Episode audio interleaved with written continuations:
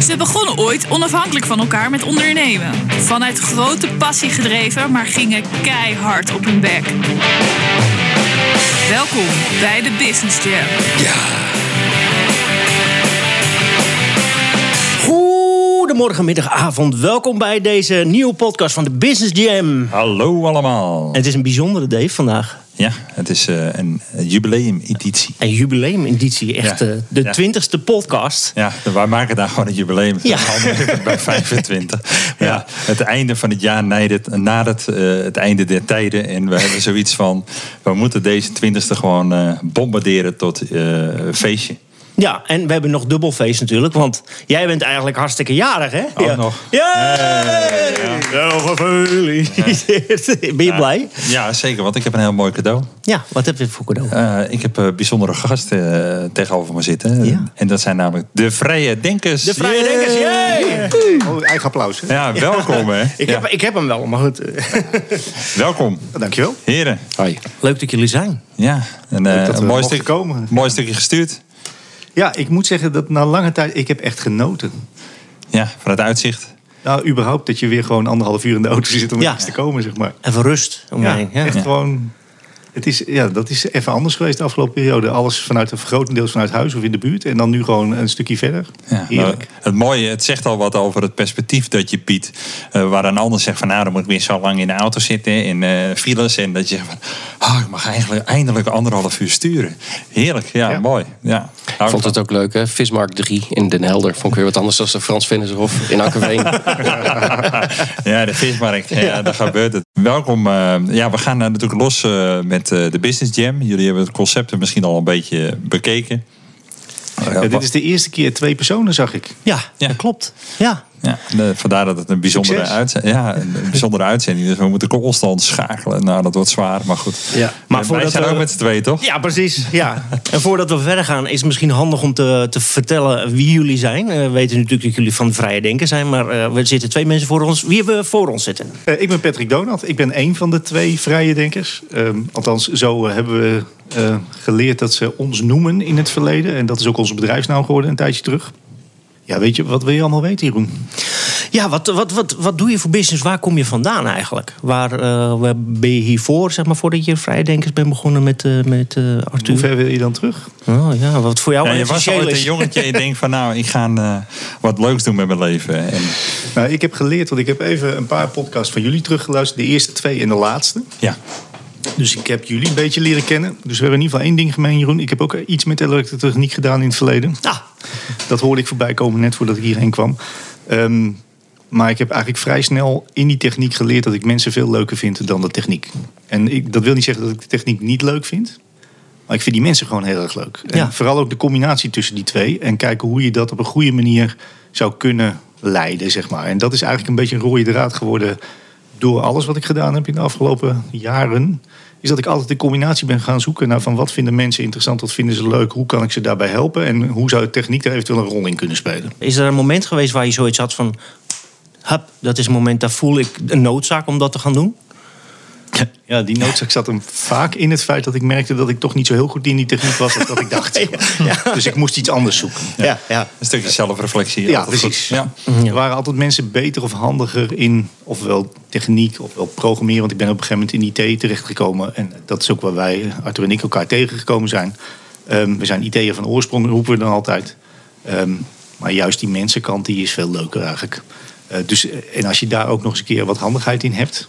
Want wat wij doen is, we geven inspiratiesessies, eh, presentaties. We proberen mensen op andere manieren te laten kijken naar hun eigen werkelijkheid. En dat doen we op hele, hele verschillende manieren. En daar gebruiken we wel techniek bij, maar dat is niet meer het belangrijkste.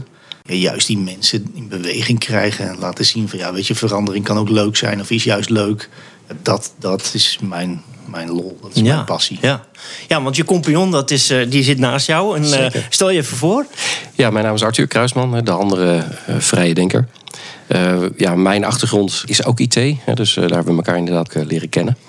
Wat ik leuk vind zijn mensen inderdaad, maar waar ik wat eh, meer moeite mee had waren organisaties. Oh ja. Hè, dus de wijze waarop mensen met elkaar omgaan in organisaties en de wijze waarop ze zeg maar, tot een product komen of een dienst komen. Heb ik me altijd over verwonderd over hoe ze dat doen. De waardecreatie zoals zij dat eh, dachten te gaan doen. Eh, vaak hebben ze het ook niet eens over waardecreatie, maar het creëren van producten. Eh, en soms is dat waardecreatie, maar soms ook helemaal niet. Nee. Dus wij, en daar hebben Patrick en ik elkaar ook goed in leren kennen van hoe, hoe kun je die klant nou op een goede manier bedienen. Ja. En soms is dat een product wat je hebt. En soms is dat een product wat je niet hebt. Eh. En moet je een ander aanbevelen. Nou, dat was in de IT eh, vrij ondenkbaar. Nou dan, Ja. ja. Precies. Dus en, eh, en hoe hebben jullie elkaar dan gevonden? Weten jullie nog het moment dat jullie zoiets hebben van... Ja, Eureka. Nou, die momenten zijn er wel geweest. Maar daarvoor waren ook een aantal momenten dat we met elkaar eh, dingen samen deden voor klanten. Eh, of sollicitatiegesprekken aanhoorden van mensen die bij ons solliciteerden. Eh, en dan viel het gewoon op dat wij op een andere manier naar die persoon keken dan, eh, dan anderen. Ja. En net even wat andere vragen stellen. Net even wat meer geïnteresseerd in wat die persoon nou eh, drijft en, en waar, ze, waar ze voor willen gaan. Ja. Ehm, en dat is anders als eh, van ja, wat heb je op je cv staan en, en welke technieken beheers je? Ja. Nou, dat zijn de standaardvragen. Daar mag je van uitgaan dat dat klopt. Ja.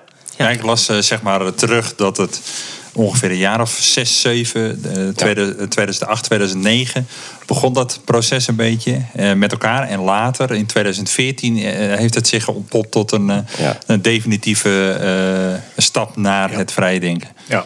En eigenlijk is de hele aanloop van 2008 en 2014 eh, hebben we nodig gehad zeg maar, om die stap te kunnen zetten. Ja.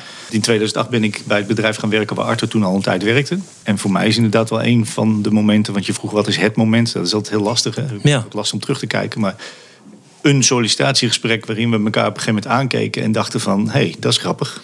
Jij wil nu eigenlijk hetzelfde weten als ik. Maar er zit nog iemand anders naast van het bedrijf en die heeft zoiets van, waar, waar gaat dit naartoe en waarom moeten we dit weten? Ja. dat zeg maar, wij waren geïnteresseerd in de mens. Van, Ja. wie, wie is Jeroen of wie is Dave en, en wat drijft jou om hier te komen werken? Dat, waren, dat, wa- dat was ons interesse. En dat je dan ook nog wat bagage meeneemt die we kunnen gebruiken binnen het bedrijf, dat is vanzelfsprekend. Dat kunnen we ook toetsen, maar dat komt later wel, bij wijze van spreken. Maar je weet wel nog het moment dat je zei van... ik ga nu mijn ontslag nemen bij me. Bij me. Zeker, zeker. Dat weet je nog wel. Zeker. Vertel. Zeker. Ja, eh, ja, daar zit een heel traject eh, wat daarvoor zit. Want wij zijn eigenlijk achteraf gezien een onderneming begonnen binnen de onderneming. Dus ehm, omdat we een rothekel hadden aan bestaande structuren en aan dingetjes die onze waardecreatie in de weg zaten, zijn we die ook af gaan breken, letterlijk. Dus wij waren een IT-bedrijf eh, en dat is consultancy. Dus dat betekent dat het doel is om jezelf zoveel mogelijk ingezet te hebben en te houden bij klanten voor een zo hoog mogelijk tarief. Dat is het businessmodel. Ja, dan wordt het wat vervelend als wij zeggen wij schaffen het uurtarief af bijvoorbeeld. Zit in de weg. Het gaat niet over wat wij werkelijk presteren. Het gaat er alleen maar over wat hebben we voor tarieven. Ja. Eh, eh, kies maar uit eentje en dan Ja. ga je iets doen wat daarbij past. Ja, eh, hallo. We hebben, ik weet niet hoeveel talenten en, en dingen die we kunnen inzetten voor jou, die ook waarde hebben voor jou. Dat is niet in een uurtarief uit te drukken. Dus uit een hokje gaan. Zeg maar. Uit een hokje gaan, letterlijk. Dat is ook waar achteraf onze naam vandaan kwam. Is dat mensen zeiden van, joh, kun je eens een keer meedenken in dit traject? Want jullie kijken altijd op zo'n vrije manier. Jullie zijn van die vrije denkers. Ja. En toen begon dat labeltje een beetje te leven. En uiteindelijk hebben we 2014, 15 hebben we gezegd van, nou weet je, dan wordt het gewoon vrije Ja. denkers. Maar we hebben dus uren afgeschaft. We hebben onze manager ontslagen. eh, eh, want die zat ook een beetje in de weg. Die had geen echte toegevoegde waarde. Daar hebben we ook een gesprek over gevoerd. Van ja, weet je, eh, wat jij doet voor ons, dat ja, is niet zoveel. Nee. Maar je staat wel verrekend in onze loon. Ja. eh, in ons uurtarief. Ja, hoe zit dat? Nou, Ja. en toen kwamen we tot de conclusie dat we dat ook net zo goed zonder elkaar konden doen. En toen was het dus niet meer een vaste kostenpost als onderdeel van het uurtarief. Maar toen was het iemand die we konden raadplegen als we hem nodig hadden. Ja. Een Nou, dat was voordat we het uurtarief afgeschaft hebben. Daarna kwam de discussie over het uurtarief. Ja. Nou, wat hebben we nog meer gedaan? Ja, heel veel dingen waardebepaling achteraf. Hè. Dus wij wilden op een andere manier eh, met onze klanten in contact komen en ook onze waarde leveren. Hè. Dus als je die uren afschaft, dan moet je er wel wat anders tegenover stellen. Want ja, je bent wel onderdeel van dat bedrijf. Eh, maar we hebben gezegd van nou, dit is ongeveer de waarde die we denken waard te zijn. En we hebben tegen onze klant gezegd, bepaal achteraf of jullie dat ook daadwerkelijk die waarde hebben beleefd, zeg maar. Ja. En dat kan pas als je de prestatie hebt geleverd. En niet vooraf in een offerte dat proberen vast te stellen. Nee. Dat is een merkwaardig verschijnsel wat wij, eh, wat wij Maar geeft dat jullie ook een extra motivatie? Ja, absoluut. Dus eh, het is natuurlijk heel Ja. normaal om voor je geld te werken, zeg maar. Maar hebben jullie nu, eh, ja, we moeten wel Extra. leveren. Nou, we zeggen ook tegen die klant achteraf: hè, we maken het jou zo moeilijk mogelijk om ons laag te gaan betalen. Ja. Want we hebben natuurlijk wel geleerd in de loop der tijd eh, om een bandbreedte mee te geven. Eh, want als je de waardebepaling achteraf helemaal loslaat, dan komt het wel eens voor dat je met drie theaterboeken thuis eh, komt. dan schrik je wel eens. Dat is ook Ah, echt een keer letterlijk. Ja. Maar als je, eh, als je die waardebandbreedte meegeeft, dan heeft de klant dan ongeveer een idee van: oké, dus eh, we hebben het over deze orde van grootte. En dan kun je er ook een klein beetje op begroten. Dat is gewoon meestribbelen met wat mensen gewend zijn, zeg maar. Maar achteraf die eh, daadwerkelijke factuurprijs vaststellen, heeft voor ons heel veel waarde. Omdat zij ook argumenten geven van waarom zij op dat bedrag zijn uitgekomen.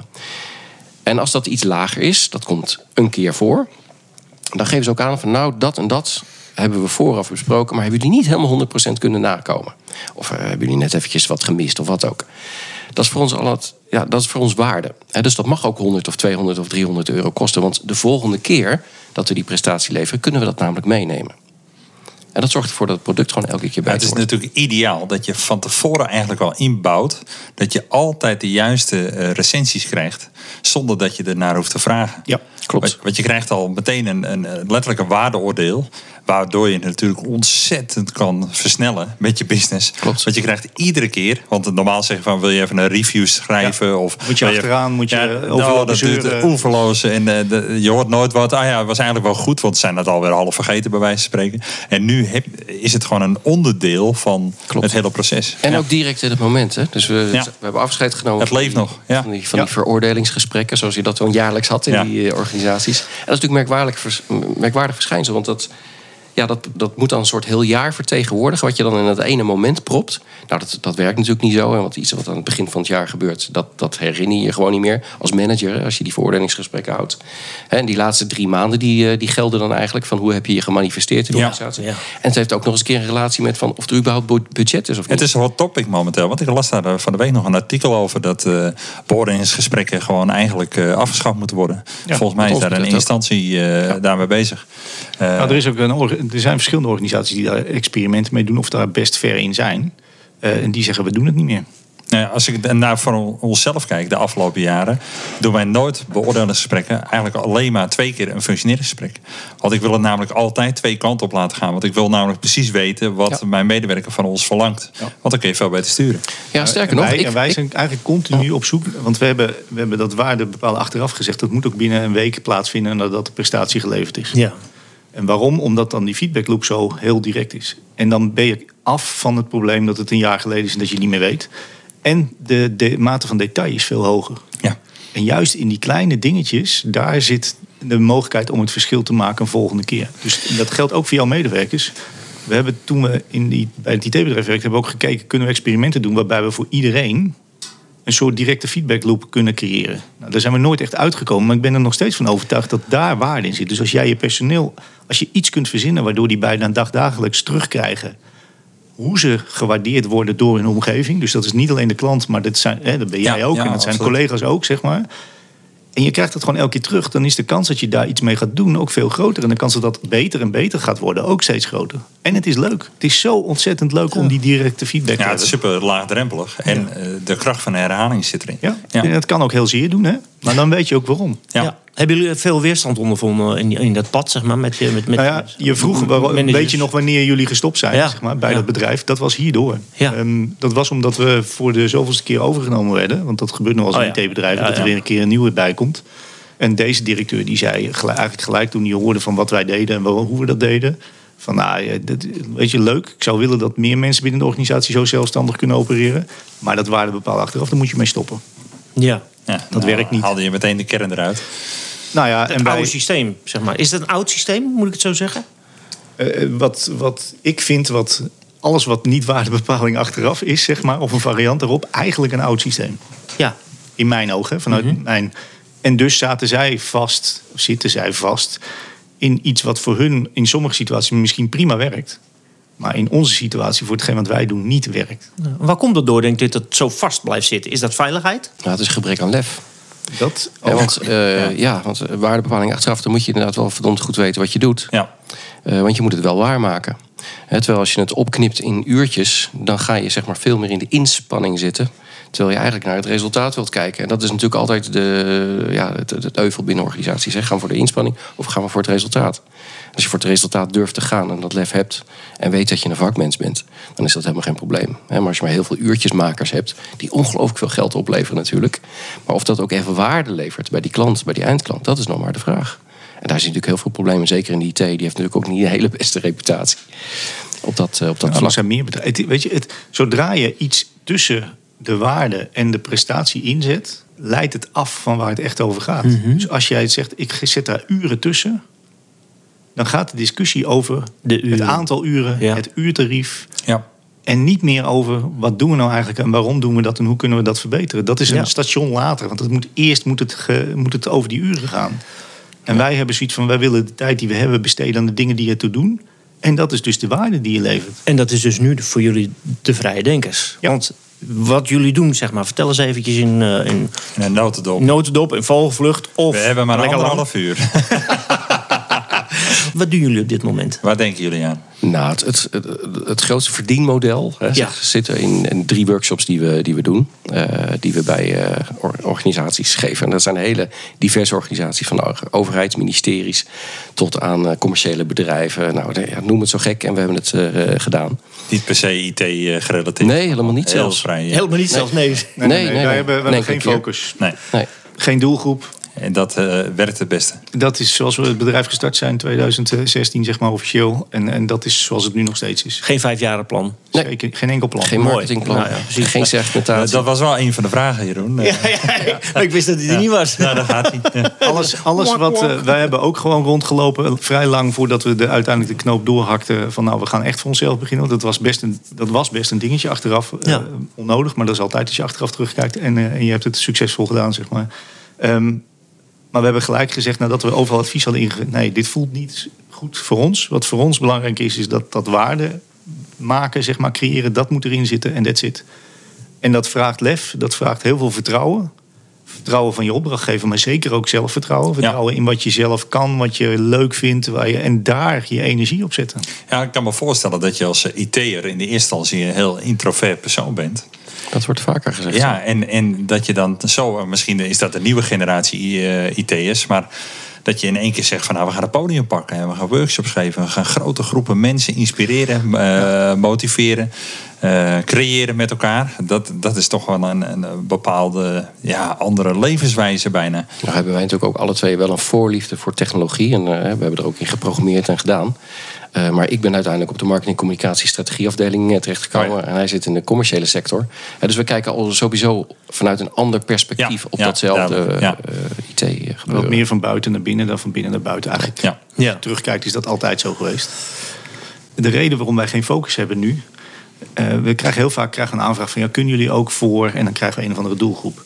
Want kunnen jullie iets maken specifiek daarvoor? En dan zeg ik ja, onze doelgroep zijn mensen. Werken de mensen bij jullie? Ja. Nou, die blijken er altijd te werken. Ja. Oh, nou is mooi. Dan hebben we voor jullie doelgroep hebben we een verhaal. Checkbox. Hop. Ja. En zodra daar ook weer een laagje bovenop komt, van ja, het zijn eh, ambtenaren of het eh, is politie of het is zorg of het is nou wat dan ook.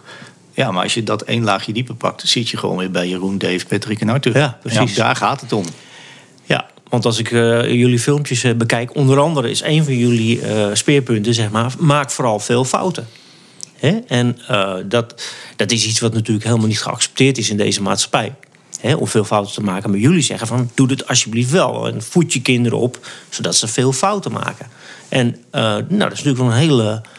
Heb je heel veel lef om dat te vertellen in een, in een maatschappij waar dat eigenlijk niet geaccepteerd wordt. Dus dat doen Nou, dus het, is, het is noodzakelijker dan zeg maar 30, 40 jaar geleden. Als je 30, 40 jaar geleden kijkt, dan zie je dat die verandering nog enigszins ja, te voorspellen valt. hè. Je kunt zien wat er over vijf of tien jaar eh, plaatsvindt. Ik kan me herinneren dat wij vroeger naar Amerika gingen om daar eens te kijken hè, voor wat er in die IT gebeurt. En dan kun je zeg maar een jaar voorsprong ontwikkelen eh, met die visie. Maar dat kan vandaag de dag niet meer, hè, omdat die maatschappelijke en die technologische veranderingen die gaan ontiegelijk snel. En ons verandervermogen als mens, maar ook als organisaties, hobbelen daar een beetje achteraan. Hè, dus je moet veel meer experimenteren, veel meer improviseren en ook echt als eerste keuze. Dus niet plannen falen, we moeten gaan improviseren, maar improviseren als eerste keuze. En dat betekent dat je keuzes maakt, je, je, je zet stappen. En soms is dat een misstapje. Ja, Als je ja. maar, maar belangrijk is dat je weet waar je naartoe gaat. Dus wat je bedoeling is. Hè. Voor ons is de bedoeling in, in vrijheid waarde creëren. Hè, dus elke stap die wij doen, elke waarde die we willen creëren... moet in relatie tot die vrijheid en in relatie tot de waarde... die bij die klant moet ontwikkeld worden, eh, plaatsvinden. Ja, ik zou bijna zeggen dat, dat die bedrijven eh, eigenlijk moeten incalculeren, niet de groei of de verandering, Nee. maar ze moeten incalculeren dat ze binnen nu een jaar gegarandeerd een fout gaan maken. Bijvoorbeeld, ja. Want dan valt het dan eigenlijk alleen maar mee. ja. En dan kan je die, dan kan je die stappen in die processen gaan maken, lijkt mij. We hadden laatst eh, een, een, een gesprek met een bouwbedrijf, een directeur. Eh, en die had het over faalkosten. En dat die faalkosten zo laag mogelijk moesten zijn. Oh ja. En toen zeiden wij van, eh, joh, zou je niet eh, daar wat slimmer mee moeten gaan? Want gefaald wordt er sowieso. Kun je niet proberen om zoveel mogelijk fouten te maken binnen die faalkosten? En misschien zou je hem zelfs nog wel wat hoger moeten maken, dat budget. Hè, zodat je er eh, veel van leert. Ja. Het is gewoon een andere manier van kijken naar wat fouten. Het viel echt even stil, hè? want dan, dat is echt leuk. Want dan zie je, en zegt hij, oh, dat is wel een hele andere manier om naar te kijken. Ik zeg ja, ik zeg, want je dwingt twee dingen af. Ik zeg, als je zegt tegen hetzelfde eh, budget, zeg maar, mogen er, moeten er meer fouten gemaakt worden, Ja. dwing je dus ook dat die foutjes kleiner worden. Ja. En impliciet zeg je dan van ja, ik wil dat ze gaan leren van de fouten. En dat Ja. is precies wat je wil. Nou ja, want we komen dus eigenlijk direct al bij een item wat wij met de, met de, met de podcast hebben. Dat is. eh, De flater van. en dat heeft nu een heel ander licht vandaag. De flater van. Want wat is jouw grootste flater, Arthur? Oh, grootste flater. Oh, dat is interessant. Ja, ik, daar heb ik even over na zitten denken. Nou, ik maak dagelijks eh, fouten. Eh, maar dat zijn kleine foutjes. hè. Mijn vriendin, mijn vriendin die zegt altijd van ja, dat doe je niet goed. Oh. Eh, een van de dingen die ik niet goed doe, is dat ik bijvoorbeeld de heetwaterkraan altijd eh, niet naar de koudwaterkraan draai. Oh ja, op het moment dat ik hem gebruik heb. hè. Dat, dat, dat is een ding. Maar dat is een fout waar je zelf geen last van hebt. Nee, dat vinden mijn kinderen ook niet leuk. Ook geen last van. En wat, wat ik ook altijd fout doe, is dat ik de vaatwasser volgens mijn vriendin echt totaal verkeerd. Ja, ik ook. Ja, ja, dat ook. Daar heb ik wel de oplossing voor. Ja, dan gewoon lekker zelf laten doen. Maar dat zijn dagelijkse kleine foutjes. En ik weet niet of ik dat ooit eh, kan gaan verbeteren. Want eh, ja, ik, ik, ik richt die vaatwasser op mijn manier in. Ja, je computer is wel voor elkaar natuurlijk iets citeren. Nou ja, dat- nou ja gelukkig heb Patrick eh, Oh ja, voor. Want ja. dat, eh, dat doe ik niet zo goed. Maar een structurelere fout is wat ik zeg maar tot mijn 30ste, 31ste heb gedaan. Is dat ik veel meer aandacht gaf aan logica, aan ratio, aan oorzaak-gevolg. Eh, en eigenlijk mijn intuïtie en mijn gevoel veel meer eh, op de achtergrond liet. Was niet belangrijk. Want, nou, was minder belangrijk. Ik dacht dat het andere belangrijker was om, ja, om maatschappelijk iets te betekenen. Of überhaupt voor een ander iets te, te doen of voor mezelf te betekenen. En daar heb ik een keer een switch gemaakt. En dat was rond die 30, 31 jaar. Waarbij ik mijn gevoel en mijn logica gewoon voorrang gaf op, Ja. die, Ja. eh, op die logica. En dat, dat heeft me gewoon ongelooflijk veel eh, geholpen. Ja. Eh, dus daar waar ik, dat vond ik echt een fout van mezelf. Nee. Dat ik gewoon de verkeerde voorrang gaf aan de verkeerde dingen. Maar je hebt in ieder geval op een vrij jonge leeftijd heb je al Ja. gezien. Want iedereen komt er op een bepaald moment eh, aan toe. Hoop dat, ik. Ja, dat hoop ik wel. Nou, meestal het is wel eens een keertje onderzocht dat ze mensen die op een sterfbed ligt, Ja. liggen, die vragen van goh, wat had je nou anders willen doen? Ik had er wat meer willen leven of zo. En eigenlijk op dat punt, ben je begin 30, kom jij er al achter van hé, ik wil het anders doen. En eh, nou ja, goed. Jij hebt er even over na kunnen denken, Patrick, over jouw vader. dat helpt niet. Nee, want keek al vier keer naar de deur. eh. ja, ik denk, nu is het moment dat ik weg kan, toch? Nee, je hoeft ook geen flater, want jij hebt gewoon een perfect leven. Dan, eh, Nee, nee, want dat, nee, want dat is wat anders. Ja, dat, dat- dus zat ik onderweg ook over na te denken. Want jullie stellen die vraag elke keer natuurlijk. Dus ik, ik kom hierop voorbereiden. Ik denk van ja, maar wat is nou... Eén, ik moet daar echt heel goed over nadenken. Want ik ben er gewoon echt niet mee bezig. Nee. Merk ik. Mhm. Ehm, en twee, ik denk dat bij alles wat ik misschien verkeerd gekozen had, achteraf gezien, ik ervan overtuigd ben dat ik op dat moment dacht dat het de juiste keuze was. Ja. Dus is het dan een fout? Ja, achteraf, ja, maar achteraf, ja, heel leuk. Ehm, en ik heb er wat van geleerd. Ja. Ja. Dus ik vind het, ik vind het, Het zit heel... zo in je Kijk, die kleine, die kleine gebakken. dingen die herken ik wel. Hè? Want eh, de- dat van die kraan, dat vinden mijn kinderen ook niet leuk. Dus dat, dat, dat die kraan elke keer te heet staat. Dus dat, dat soort kleine dingen die zijn natuurlijk... Nou, het is meer auw. Oh ja. Dat- Oh ja, en, dan, en dan een andere term, zeg maar. Dus ehm, ja, nee, ik... ehm, Hij ziet inderdaad dat de maatschappij daar eh, anders tegenaan kijkt. hè. Ja. Die Elon Musk, die gisteren die raket eh, per ongeluk eh, verkeerd heeft teruggezet, zeg maar, op aarde. Daar zie je heel veel mensen van, oh, dit is mislukt, het is Ja. fout.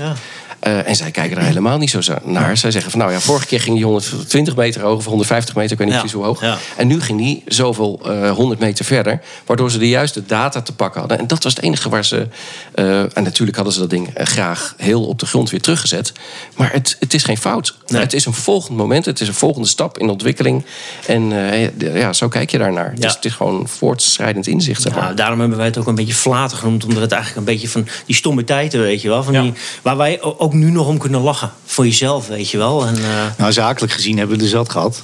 ja, Ehm, en eentje heeft te maken met het, wa- wat Arthur net zei: van als je niet oppast, dan, eh, dan word je gewaardeerd met drie theaterbonnen. Dat is, was de eerste keer dat wij ehm, eh, waardebepaling achteraf gingen toepassen. We hadden bedacht ergens achter het bureau van nou, dat, dat moet het worden. En dan ga je het ook echt doen. En dan merk je pas wat wel werkt en wat niet werkt. En toen mochten we een sessie doen voor, nou, ik denk 60 HR verantwoordelijken van de grote Nederlandse bedrijven. KLM, Dus, eh, Shell, echt grote jongens. Echt grote jongens. Dus daar zit er serieus publiek. Nou, en wij eh, moesten vier uur vullen, dus een hele middag. Eh, we hadden iemand meegenomen, ingehuurd, zeg maar. Eh, Want dat trekken wij ook niet vier uur lang eh, de boog laten spannen, zeg maar. Dan is het handig als je nog een afleiding daartussendoor hebt. Nou, Liek is meer dan een afleiding. Die heeft inhoudelijk echt heel veel te brengen, maar op een hele andere manier dan wij. Dus Ja. maar dan kunnen wij even iets naar achteren. Wij zijn heerlijk bezig geweest, kregen na afloop ook goed terug van... Nou, nee, het was een hartstikke fantastische sessie. Fantastisch. Juist. Ehm, en we hadden van tevoren doorgesproken, we gaan waardebepaling achteraf doen. Dat betekent dat je- het maakt niet uit hoe je ons waardeert, als je het maar achteraf bepaalt. En ook de eh, waardering in relatie brengt tot wat we gepresteerd hebben. Dus er moet wel een relatie tussen zitten. Dat waren de twee dingen die we heel duidelijk meerdere keren hadden laten vallen. Niet duidelijk genoeg bleek achteraf. Want de mevrouw die ons had ingehuurd, die komt na afloop naar voren toe. We kregen volgens mij een bos bloemen. En vervolgens kwamen er drie theaterbonnen tevoorschijn. We kregen ieder een theaterbon. En het ergste was nog, weet ik ook nog, dat, dat gevoel hadden wij ook. Wij liepen de deur uit. En vlak voordat we de deur dicht doen, gingen zij door naar het volgende agenda-item. Oh ja. En dat was waar ze naartoe op vakantie zouden gaan met elkaar. Nee, Of, waar de, waar de volgende sessie zou of waar de volgende sessie zou plaatsvinden. Eh, Ibiza of Zuid-Afrika. Zuid-Afrika. Ja. Er, er was enigszins wel budget, bleek achteraf. Ja. Voor bepaalde dingen, ja. Ja. Nou, toen dachten we, oké, dit is dus falikant misgegaan. Hoe Ja. kunnen we dit anders doen? En was dat ook eh, begin 2016 in die periode? Nee, nee, nee, dit was 2009 denk ik of Oké. zo. Ja, dus dus echt, echt, Oh, ja, ja. echt in het begin al. we doen waardebepaling ergens vanaf, weten we ook niet meer precies, maar vanaf 2008, 2009. Ja. Toen is het naar boven gekomen en toen zijn we dit soort dingen gaan doen. En, en nu doen we niet anders meer. Je hebt dat patent op nu. Ja, Nee, want ze vertellen het overal. Ik Ja. gun, ik gun dit echt iedereen. ja. ja. Z- Zelfs, er zijn natuurlijk restaurants die dat geprobeerd hebben. En die daar ook eh, eh, een grandioos door onderuit gegaan zijn, volgens mij. Ehm, en dat heeft te maken met, feit, met dingen waar wij ook tegenaan lopen. Is dat mensen het niet op waarde kunnen schatten. Nee, Nee. klopt. Of bescheiden, of eh, weet je, ja, het werkt twee kanten op, absoluut. Het, en dat kan in je voordeel werken. Omdat mensen die in kunnen schatten, gaan ze expres heel hoog zitten, want ze gunnen het je. Ik zeg, nou, dan heb je dus ook waarde geleverd op een ander niveau, namelijk op beleving of wat dan ook. En dat wordt dan opeens meegewaardeerd. Terwijl nu misschien in je calculatie alleen het product zit plus een marge die je op dat product wil draaien. Dus dat krijg je er gratis bij. Maar je hebt ook mensen die het niet in kunnen schatten. En die op het niveau van eh, nou, de, de gemiddelde Big Mac aanbieding van 1 euro voor deze week, zeg maar. Zeggen van nou, dit was iets beter. Dus eh, Ja. dit is eh 3 euro. En dan heb ik het drie keer beter gewaardeerd dan. eh, ja. Ja.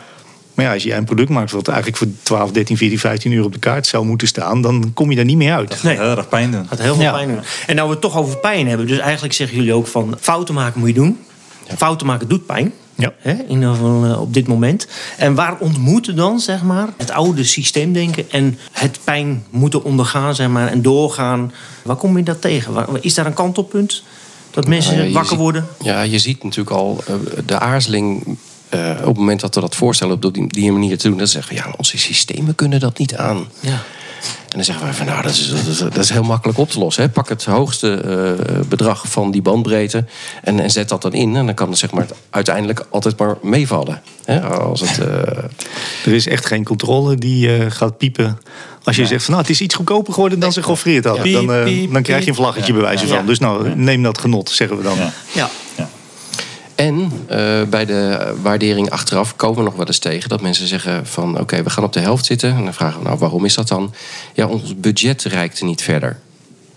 En dan zie je dus dat er niet gekeken wordt naar de prestatie en de waardering van de prestatie, maar naar dat wat budgetair mogelijk is. Ja. Dat is natuurlijk een hele andere redenering. Ja. En dan zie je ook weer dat er eh, soms, ja, soms, soms gaat dat gewoon eh, gaat dat mis. Ja. En, dan, dan zie je de oude wereld. Ik denk dat het typerend is hoe je daar vervolgens op reageert. Want we hebben dit allemaal meegemaakt. Hè? En dan kun je zeggen, zie je wel, het systeem werkt niet. Dat is wat de, de laatste directeur die we hadden zei. Hè? Van ja, zie je wel, er zijn een paar dingen misgegaan, dus het werkt niet. En wij zeiden van nee, het werkt in sommige gevallen niet. Wat kunnen we doen om dat een volgende keer te voorkomen?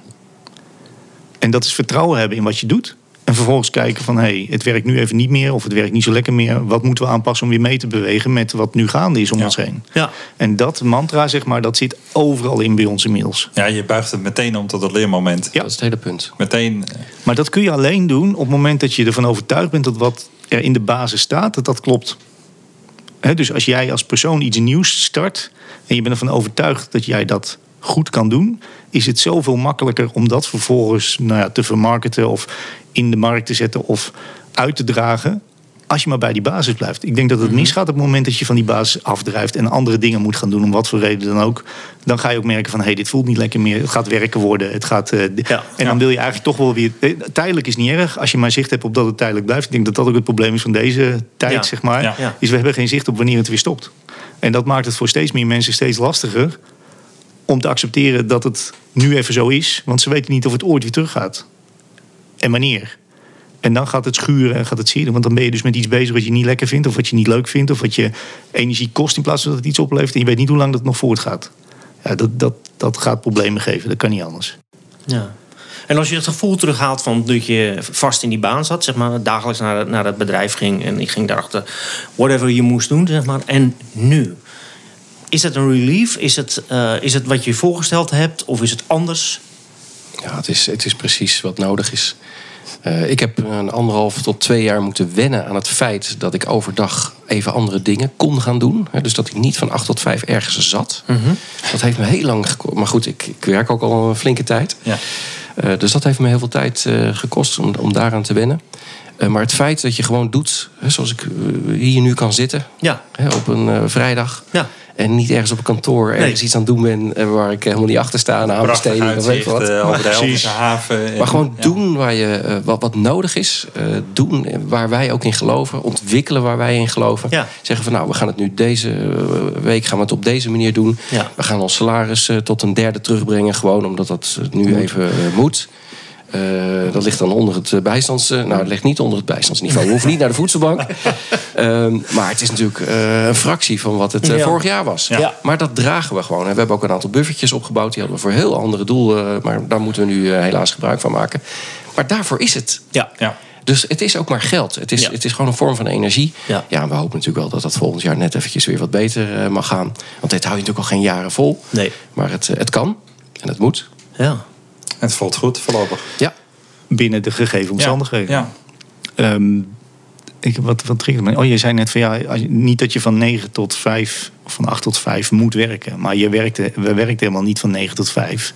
Je werkte van 7 tot 8, bij wijze van spreken. Ja, Maar die periode van 9 tot 5 had toch een soort psychologisch iets. Ja. Want Daartussen moet in ieder geval gewerkt worden. Ja. En de rest is overwerk of extra, weet ik veel wat. En dat kun je dan wel of niet invullen. Dat was dan nog je eigen keuze. Maar je had geen keuze over die uren die ertussen zaten. Dat is zo'n vreemd concept. Ja. Ja, ik Is heb ook stukken gelezen onlangs dat door de crisis dat er gewoon echt eh, medewerkers zijn die zoveel productiever zijn geworden doordat ze thuiswerken.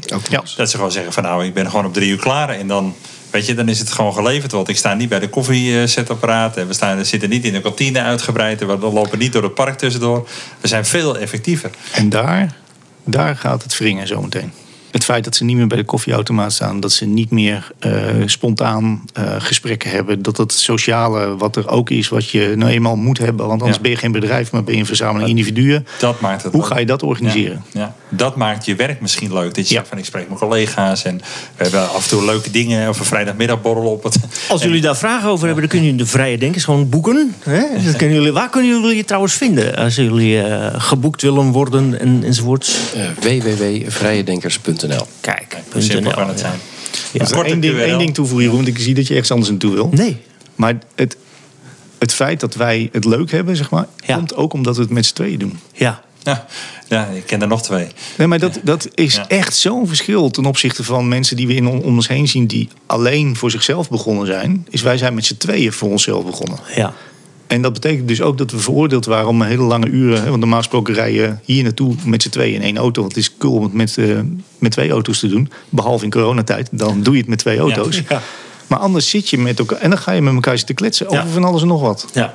Ja, het leuke is eh, voor de luisteraars, want daar hebben we nooit aandacht aan geschonken, hoe wij ooit dit zijn we begonnen met z'n tweeën. We hebben elkaar natuurlijk in de eerste aflevering, die hebben jullie teruggeluisterd. Ik wel, ja. Ja, hebben eh, bevraagd om, om ook de luisteraar eh, kennis te geven van wie zijn we en wat drijft ons en eh, wat is onze achtergrond.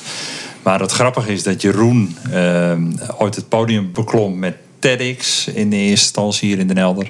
En van daaruit eigenlijk wat opdrachten kreeg. En toen heb ik hem bij zijn solo-presentatie bekeken in de Zevenskoop, de cultuurbioscoop hier. En daar hebben we een leuke connectie mee ook. En eh, nou, ik sprak Jeroen achteraf. Nou, we moeten eens een keertje koffie drinken. En eh, ja, ik heb een grote zaal en ook een netwerk. Dus Jeroen zei, nou, misschien kan je wat voor me betekenen. En eh, nou, dan zaten we zo eens even te bakkeleien.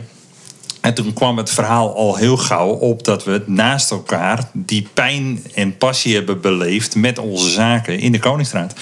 En toen zijn we uiteindelijk, zei Jeroen, van nou, misschien moeten we samen het podium op. Maar ik was zo ontzettend bezig met mezelf. Niet per definitie egoïstisch, maar ik was net gecoacht. En mijn holy grail was duidelijk geworden. Ik wil een podium hebben en ik wil presenteren. En uiteindelijk eh, ben ik boeken gaan lezen en eh, zelfstudies en eh, nou, stapels boeken.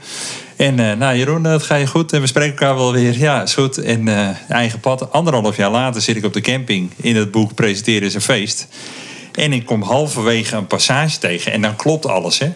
Zoon lief was lekker aan het knutselen bij de, bij de kidsclub. Vrouw lief was lekker bezig waarschijnlijk met die, het, eh, dat eh, het hete afwaswater.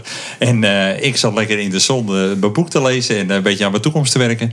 En toen zag ik een passage over duo's. Samen is alles leuker. En een passage over hoe succesvol duo's in het verleden zijn geweest. Ik, maak een, ik, was, ik kreeg helemaal kippenvel. Ik denk, dit is het moment. Ik maak een foto. ik stuur het naar Jeroen.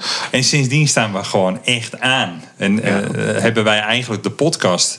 Om, om, eh, eh, want we zochten een medium om ja, een beetje met, met ondernemers eh, in gesprek te raken. En eh, wat, wat drijft nou? Wat is nou de pijn en de passie? Want dat is ook ons podiumstuk.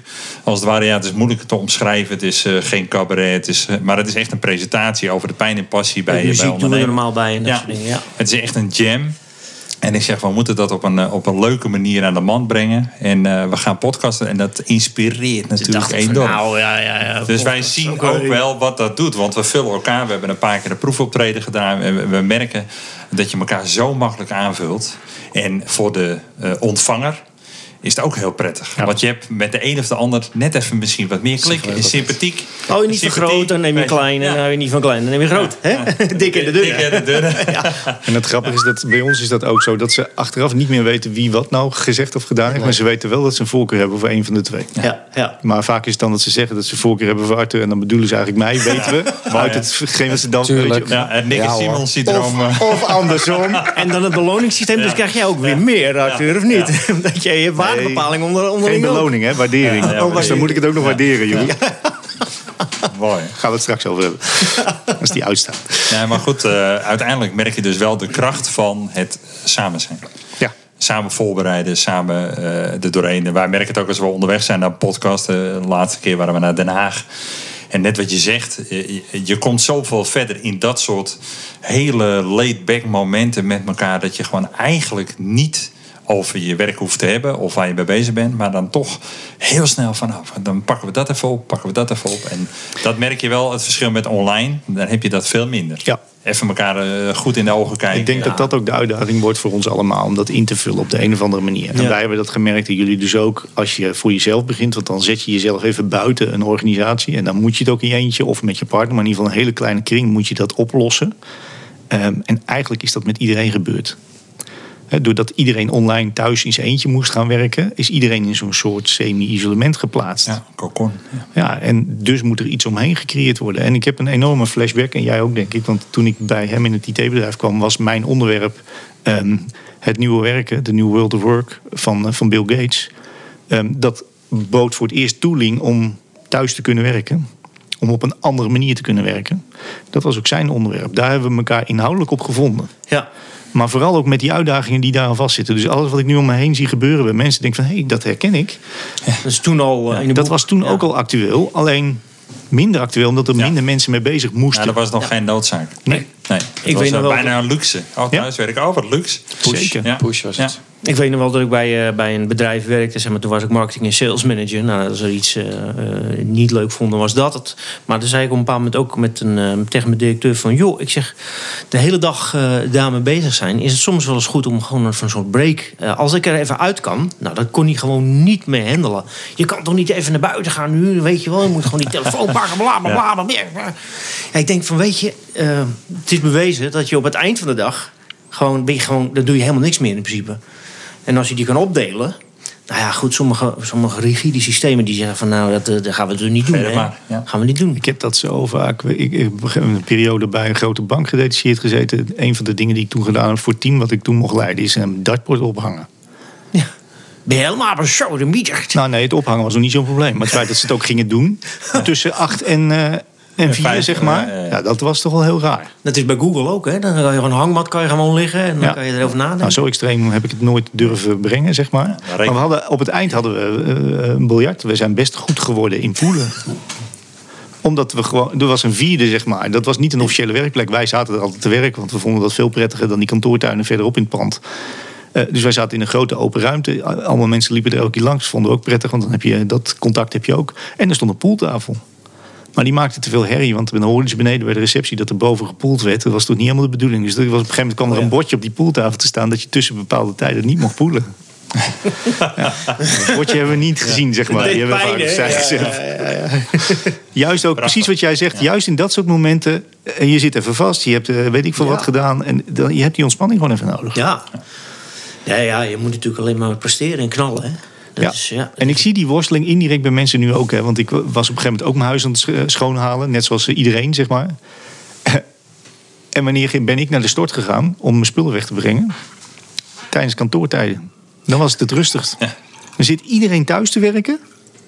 Ja, en ze- Maar ze durven niet tussen die tijd en die tijd te zeggen... nou, nu ga ik even die kar met rommel wegbrengen... want ik heb even een uurtje over. Nee, dan gaan we een uur wat anders doen... of we plannen weer een volgende vergadering in natuurlijk. ja, ze gaan zeker niet van, eh, van drie tot eh, negen werken, bij wijze van spreken. Vergadering over vergaderingen. nou, nou, precies.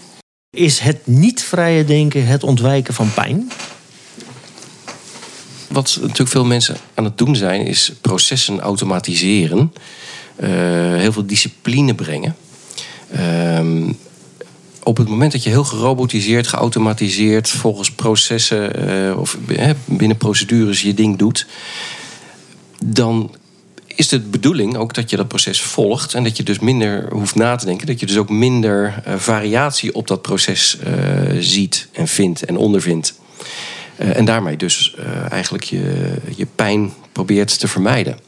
Ja. Je productie te vergroten, weet ik wat allemaal. Maar als je het op menselijk niveau, zeg maar, Ja. per- persoonlijk Ja. ziet, hè, in je dagelijkse zijn, zeg maar, dan eh, is dat het verhaal ook hetzelfde? Je, dat je processen in je normale bestaan, je staat 's morgens op en je hebt geen idee wat je die dag gaat doen. Ja, mensen vaak. zijn wel gewoontedieren natuurlijk. Hè? Dus, Ik denk, ja, ik denk dat het daar in die richting zit. Ik weet niet of het het ontwijken van pijn is. Ik denk dat het verdooft. ja. Wat een beetje hetzelfde is, hè? want als het jou verdooft, voel je die pijn ook niet. Dus er is wel pijn, alleen je voelt hem niet meer, omdat je in die standaard processen of procedures zit en daar niet uit hoeft te stappen of stapt. Ja. Voel je ook niet wat er dan anders is en wat er dan mis zou kunnen gaan. Je, je hebt, maar je zit wel in een soort Groundhog Day, elke keer hetzelfde. Ja, je moet steeds anders. Precies, want, want jullie hebben dat moment wel gehad dat jullie zoiets hebben van: ik heb nu de noodzaak om hieruit te stappen. Ja. En dat deed pijn. Ehm, ja, maar vooraf in mijn hoofd deed het veel meer pijn dan in de praktijk. Precies, ja. Ja. En daar zit denk ik ook een groot deel van. Dat hebben wij ook ervaren. We hebben denk ik nou drie jaar gedimdamd over zouden we nou wel of niet. En de ene keer was ik zoiets, nu ben ik er klaar mee. We gaan. En dan was het bij mij weer even weggezakt. En toen was hij er helemaal klaar mee. Afhankelijk van wat voor dag Het duurde even voordat we in Ja. sync waren en alle twee zeiden van... en nu is het gewoon echt gebeurd. Nu gaan we gewoon echt voor onszelf beginnen. Maar dan heb je alle horrorscenario's in je hoofd al gehad. Zeg maar. Ja. En Ja. die zijn geen van alle, bij mij althans, uitgekomen op de manier zoals ik dat van tevoren bedacht had. Nee. Ja, wat ik gewoon heel erg merk aan, aan startende ondernemers of mensen die zeggen van nou, ik wil graag ondernemer worden. Nou, ik heb echt mensen om me heen die van jongs af zeggen we gaan ondernemen, maar die gaan het nooit doen. Dat zie je mijlenver aankomen. Waarom? Omdat ze net die laatste stap niet willen maken. En ze blijven er maar over praten, ze blijven er maar over praten, maar het gaat gewoon niet gebeuren. Eh, eh, dat is ook omdat ze te veel leven in die horror scena- scenario's. Want die willen gewoon vastigheid en eh huisje, poopje, beestje. En daar past echt geen bedrijf bij. Hè? In, in het normale denken en niet in het vrije denken. Ehm, dat is eigenlijk zo zonde. Het is zo'n belemmering. Uh, Nevin zegt, je merkt nu wel ook dat een hele jonge generatie... die bijvoorbeeld op Instagram al, al armbandjes aan het verkopen is... en dat er wel een generatie aankomt, mede door de social media en de influencers en eh, noem maar op. Dat er wel een, een eh, generatie aankomt die van zichzelf al vrij denkt. Om het maar heel. Begin bij de opvoeding dus Ja. eigenlijk, zeg je. Ja, daar hebben we ook nog wel een theorie over. Ja, Ja, we zijn benieuwd. Nou, dat dat. Dat een, een van de redenen waarom we voor onszelf begonnen zijn, is het filmpje doen is de beste manier van denken. Dat Ja. ding wordt nog steeds overal gebruikt, getoond en, en Ja. naar voren gehaald. als je ergens vast zit, dan kan je dat weer opzetten. En dan eh, heb je zoiets van, oh ja, Maar dat, dat spreekt ook al over dat het fout gaat, zeg maar, bij die opvoeding. Want je bent heel jong, ben je heel creatief, stel je allerlei vragen, ben je aan het onderzoeken. En eigenlijk slaan we dat eruit bij elk kind gedurende zijn levensloop. niet doen. Ja. En dat, dat begint in de opvoeding, daarna gaat het in de school, in het onderwijs word je nog wat meer in zo'n fuik geduwd. En dan kom je in een functie terecht op een bedrijf. En dan mag je doen wat er binnen die functiebeschrijving staat. Ja, ja. Nou ja, weet je, het, het kokertje wordt steeds smaller. Ja. Dat vind ik ook zo raar als je naar functies kijkt bijvoorbeeld. En dan, dan mag je daarop solliciteren. En dan denk je van ja, maar weet je, ik, dat is zo smal. Dat is zo'n zo'n klein puntje van wat ik eigenlijk misschien wel kan. En eh, ja, ik kan misschien wel, we zitten hier nu te podcast en daarna ga ik weer in de studio wat mixen. En daarna moet ik weer iets repareren, bij wijze van spreken. Dat doe ik eh, niet meer, maar eh, Nee, maar dat Dat, klopt. dat noemen wij functievrij werken. Hè, Ja. Dus dat je veel meer eh, je vo- volledige talent inzet. eh, en kijkt wat er nodig is. We doen ook nooit wat gevraagd wordt. Dat, dat klinkt vaak wat arrogant, maar dat zeggen we expres zo. Hè, dus ons wordt iets gevraagd te doen. Dan zeggen we van nou, dat zou kunnen dat we. de- hè, we moeten in elk geval de, de juiste bedoeling met elkaar hebben vastgesteld. Hè, de richting moeten we. hè, maar de wijze waarop we dat doen, dat bepalen we zelf. en de vraag is van nou, ja, maar hoe zie je dat dan uit? En dan zeg je van dat zeggen we niet. Ja, of zeggen we geen dat idee. weten we niet. Dat weten we Geen niet. idee. Nee. Maar de doelstelling is wel al bepaald. Precies. Ja. De richting moet duidelijk zijn. Ja. En dat is wat anders dan een doelstelling. Een doelstelling suggereert dat je ergens in de nabije toekomst een punt vast kunt zetten. Zegt daar wil ik uitkomen. En wij zeggen dat kan ook niet. Want jij weet, jij weet net zo goed als wij niet hoe de wereld er over een jaar uitziet. Dus zijn we verslaafd aan kwantificeren. Ja, Ja. ja. Zeker. We hebben ook een onderwerp in een van de workshops zitten. Dat is meten is weten. Ja. En, wij, en als, dat staat dan op de slide als meten is gelijkteken weten.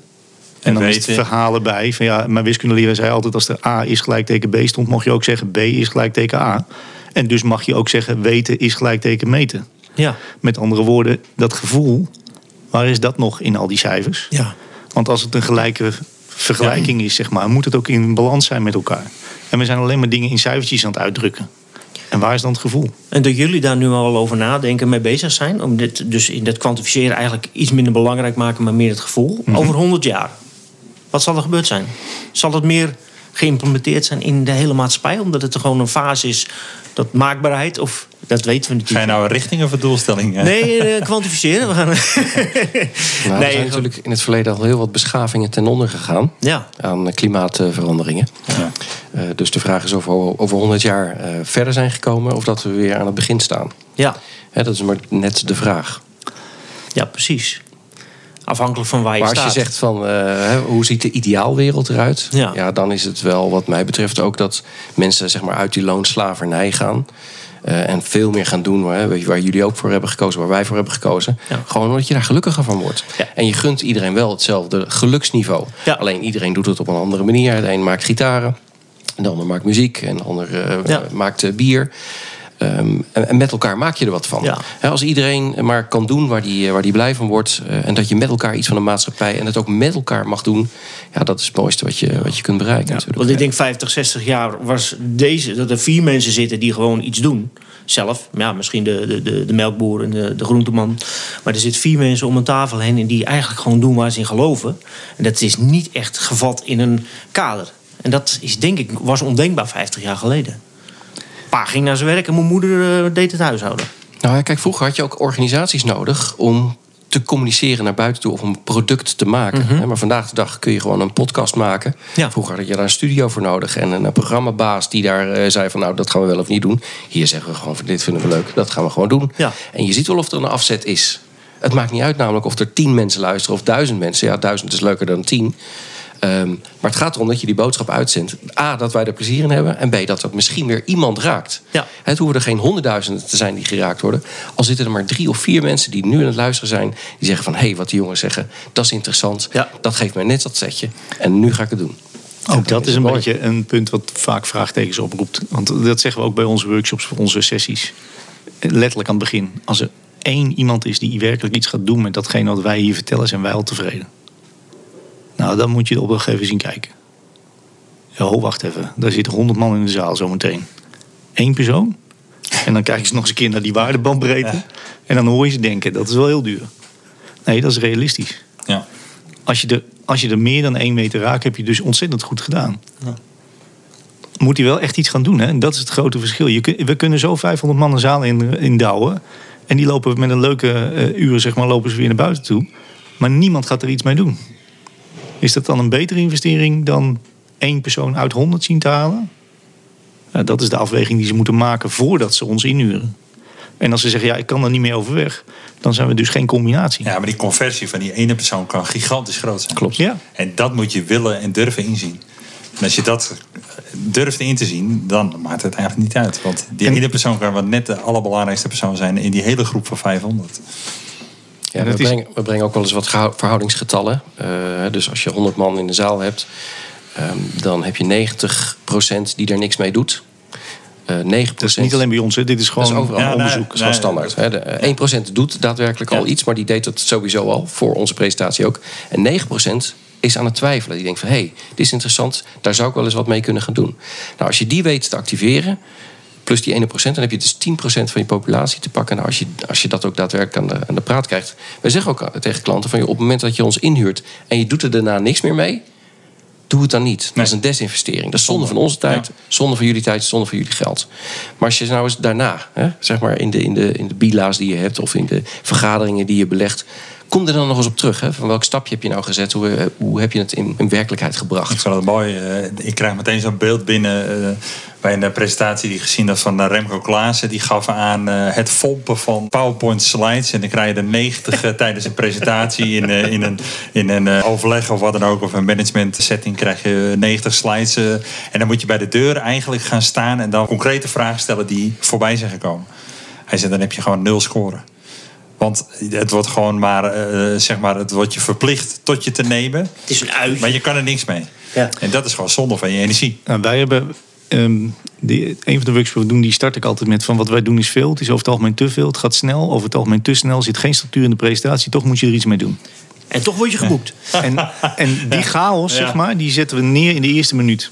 En vervolgens zeg ik, dus is het eigenlijk net zoals het echte leven. Want als je nu uit het raam kijkt hier, gebeurt er zoveel Ja. waar je mogelijk iets mee kan. Maar het is aan jou om het ook werkelijk te doen. Maar dan hoor je het kraken, hè? Je hoort het kraken, maar dat is ook waarom ze ons daar, daar, daar neerzetten. Ja. Dus wat we vervolgens zeggen is van, ga gewoon op zoek naar dat ene ding. Ja. En dat geeft je, dat moet ik, hebben, hebben we ook geleerd uit evaluaties. Die zin hebben we letterlijk moeten toevoegen. Dat we ook zeggen, dat betekent dus dat je ook de rust hebt om te zeggen... hey, dit onderwerp dat boeit me niet, dat spreekt me niet aan. Dat laat ik even passeren. Ik hoop dat er iets volgt dat wel aanspreekt. En daar ga ik ook echt iets mee doen. En dan geef je ze net even dat kleine handreikingje... om in die chaos die voorbij trekt... Te de- ook te denken, oh nee, ik mocht even... Ja. En als je dan bij de deur vraagt aan de buitenkant... en dat doen we meestal na afloop van de sessie... wat is nou dat ene ding? En dan komt er een hele lijst. En dat is net zo divers als de set die je net hebt gedraaid. Ja. Want jij spreekt, slaat aan op het een, jij op het ander. En dat komt dan terug. Dus het is ook hoe ga je om met dit soort wetmatigheden. Ja, verwachtingen. Ja. Ja. Vooraf. En ook, je kunt een aantal dingen, die hebben we echt geleerd, een aantal dingen roepen vooraf in je presentatie. Om dit soort vuilkuiltjes gewoon een plek te geven. Ja, om mensen ja. net even te helpen om daar iets mee te kunnen. Dat je niet met een A4'tje en een paar eh, PowerPoint-slides eh, voor staat. Want ja, dat hebben de mensen zo vaak al gezien. En van het allemaal gaan. Dan heb je tijd om even te slapen, zeg maar. hè? Ja. Nou ja, de, de, wij krijgen gelukkig de reviews terug waarin staat van jeetje. Eh, een mooi compliment weet ik nog van een student die zei van... ik zit nog in een collegebank. Ik zou toch willen dat allemaal colleges op deze manier gegeven werden. Want Ja. ik keek op een gegeven moment voor het eerst op mijn telefoon... Zeg, en toen was het bijna afgelopen. Ja. Nou, normaal zit ik binnen drie minuten zit ik al te kijken wat gebeurt er buiten. Zo.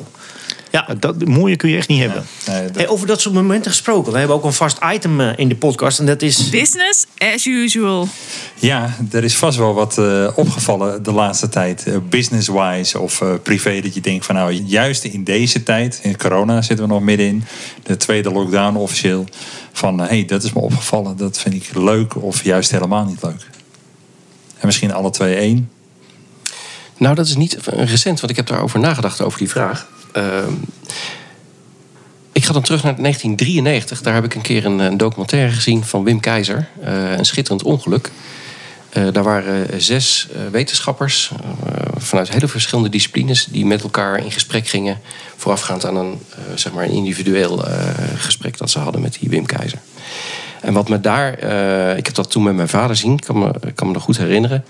Ehm, daar ontstond bij mij een beeld van dat de dingen echt met elkaar samenhangen. Hè, je had een, een celbioloog, je had een, eh, eh, een, een filosoof. Ehm, nou, hele verschillende disciplines. En dat was het eerste moment dat ik echt de, zeg maar, het grotere, grotere beeld zag. Het teamverband, of hoe moet ik het zien? Nou, teamverband, maar hoe eh, zeg maar ook de, de, de tijdsbeleving eh, is. Hè. Er was iemand die was zei van ja, maar het gaat helemaal mis met het klimaat. Dat was 1993 notabene. Nou, dat was hier op tijd. Dan hoor je nog iets over zure regen en zo. Hè? Ja, maar er zat ook een paleontoloog bij en die zegt van joh, waar hebben we het over? Ja. Waar hebben we het in vredesnaam? Maar als je dat zeg maar over een miljoen jaar bekijkt, is dit een rimpeling. Nou, zeg maar dat soort perspectiefverschuivingen op dat moment, in dat ene uur, ja, dat heeft mijn hele leven eigenlijk eh, veranderd. En zo kijk ik ook naar deze coronacrisis. We doen daar heel ingewikkeld over. We hebben, ja, het zit even tegen. En volgens, eh, voor sommige mensen is dat eh, drie, vier maanden is dat al een verschrikking. Het zou best nog eens een jaar kunnen duren. Ja. Dat vraagt ongelooflijk veel van je, van je uithoudingsvermogen, maar ook in je perspectief. De, eh, mensen, zeg maar 100 jaar geleden, die zaten in de oorlog. Hè, die hadden gewoon vijf jaar lang een bezetting te verwerken. Dat is heel anders dan waar we nu mee te maken hebben. Dus relatief gezien valt dit heel erg mee. Ja. En het is natuurlijk fantastisch dat we zeg maar, met vaccins en, en technologie dit op de een of andere manier weten te. Draaglijk maken. Ja. Nou, draaglijk maken of weer een oplossing voor brengen. Dat is menselijk vernuft. Ja, ik word daar heel blij van. Ik had er laatst ook iemand die zei van eh, ja, en dan straks corona en dan gaat de hele wereld eh, veranderen. Ik zei, ik denk na corona, ik zeg als er een vaccin is, is het heel snel weer business as usual. Want mensen vallen heel snel weer in een oude, Oude patroon. patronen, ja, ja, ja. Dus eh er zijn er maar weinig die het gebruiken als een reset van hé, ik ga mijn leven wezenlijk anders indelen, want dit bevalt heel erg goed. Nou, ik, ik heb dat ook gezegd. Ergens april, mei, juni. Ik ben inmiddels wat bijgedraaid. Toch wel, maar dat komt door de tweede keer. Ehm, ja, dat komt inderdaad door hoe lang het duurt. Ehm, maar dat heeft ook te maken met het feit dat mensen zo langzamerhand ook gaan inzien dat er ook voordelen aan zitten. En we hebben, ik heb in het begin van die periode een keer een blog geschreven waar ik zei: ik mag toch hopen dat we op zoek gaan naar de dingen die wel werken, die we meenemen. En dat we vooral ook goed kijken naar de dingen die niet gewerkt hebben en die achterlaten. En dat is ook ons verhaal. Eh, als je beweegt richting de bedoeling, dan is het na stap 1 komt stap 1. Niet een vooraf bedachte stap 2, maar een nieuwe stap 1. En die nieuwe stap 1 die zie je pas als de eerste stap 1 gezet is. Dus je bedenkt wat je in deze situatie kan doen. Je doet het. Vervolgens kijk je wat het effect is op je omgeving. Kijk je wat je dus achter moet laten. Wat je mee wil nemen en wat je eventueel wil toevoegen. En dat is je nieuwe stap 1. En die ga je dan weer zetten. En dampen. Dat levert zoveel tijd op. Omdat je niet bezig bent met... Ja, wat nou als? En scenario Ja, A en scenario B. Je bent alleen nog maar... En dat is een gave zeg maar, die we met z'n allen kunnen ontwikkelen... om het allemaal wat draaglijker te houden. Is in het hier en nu blijven zitten. Dat is Ja, iets dat waar komt het, natuurlijk- eh, het kabinet ook mee stoeit. Hè? Ja. Eh, zoals eh, Rutte dat ook uitdrukt. We moeten met 50% van de informatie 100% van de beslissingen nemen. Dat is nieuw voor eh, het kabinet. Het is nieuw voor Nederland. Voor ons is dat oude meuk. Ja. Want dat is precies zoals het nu al een tijdje gaat, namelijk hè, met die technologische verandering. Die ontwikkeling is al heel erg exponentieel. Dus wij zijn daaraan gewend. Het is een andere manier van kijken. Dat is na stap 1 komt stap 1. Dat is waar het kabinet nu mee bezig is. Dat is waar Nederland aan moet wennen. Ja. Maar het is wat ons betreft een goede ontwikkeling. Ja, als je, als je niet weet hoe het is om van die duikplank af te springen, zeg maar, en je bent aan het vallen. En eh, op een bepaald moment wen je ook aan het vallen. Hè? En dat, eh, dat, wij natuurlijk hebben op een bepaald moment dat parachute losgelaten van nou, we hebben dus geen werkgever. We hebben, we, we hebben zeggen van nu van oké, we hebben geen eh, recht meer op uitkering, omdat je zelfstandig bent. Hè? En dan, dan, dan ga je springen. In het begin vind je het heel eng. Zeggen de mensen ook van ja, maar dat is toch hartstikke eng. En ik bedoel, hoe moet je dat nou doen en zo. Maar op een moment is er van hé, hey, dit valt eigenlijk wel lekker, weet je wel. En die, die wind door je haar en zo. En, eh, Maar dat is, weet je, dat is inherent aan elke verandering die plaatsvindt. Op het moment dat mensen zeggen van ja, ik wil wel ook wel zoiets als wat Jeroen doet. Ik wil Ja. wat meer zelf bepalen, maar ik wil niet uit dienst. ja, Oké, je wil dus meer vrijheid. Dat is goed, dan ga ik je ook meer verantwoordelijkheid geven. Je hebt de verantwoordelijkheid voor jezelf en voor je directe familie, zeg maar, je- alles wat direct om je heen staat, om dingen te regelen. Die verantwoordelijkheid voel je ook heel nadrukkelijk. Binnen een organisatie heb je een gedelegeerde verantwoordelijkheid. Die ligt veel verder bij je weg. Ja. Dus voel je hem ook niet. Nee. Dus doe je er ook niet zoveel mee. Nee. Wil je meer vrijheid hebben, krijg je dus automatisch ook meer verantwoordelijkheid. Oké, nu wordt het even vervelend. Ja. Dat betekent dat ik dus dingen zelf moet gaan regelen. Dat ik zelf weer moet gaan nadenken. Ja, precies. Maar dat wil je ook, want je wil meer vrijheid. ja. Oh ja. En dat, dat, gaan wij met elkaar wel ontdekken. Daar ben ik ervan overtuigd. Dat gaat ook wel veranderen. Mensen vinden het ook fijn om thuis te zitten regelmatig. Dus je krijgt van die hybride werkvormen waarbij je en thuis en op kantoor werkt. Ja. Bedrijven stimuleren het ook. Er zijn er al heel veel die eh, kantoorpanden hebben afgestoten of aan het afstoten zijn. Omdat ze zeggen, ik wil helemaal niet meer terug naar zoveel procent op kantoor. Die mensen gaan maar lekker thuis werken. Is het niet zo dat we al honderden jaren vastzitten in bepaalde systemen? Zeg maar, vaste patronen. En, elke dan keer nu- is het een ander systeem. Ja, een ander systeem, ja. Dus dat is ook waarom wij zeggen, na stap 1 komt stap 1. Want de volgende stap 1 zit in dat nieuwe systeem. Ja.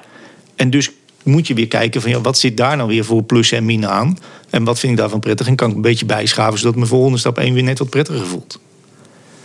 Dat is niet wat ik uit, want de, de, business as usual was de vraag. Hè?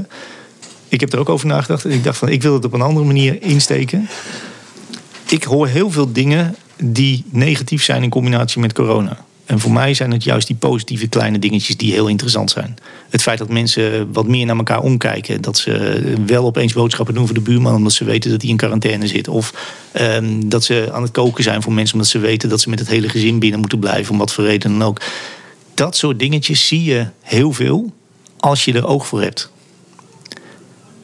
En dat vind ik wat nog wel eens mist in de traditionele media. Is dat er heel veel aandacht is voor de dingen die fout gaan. Ja.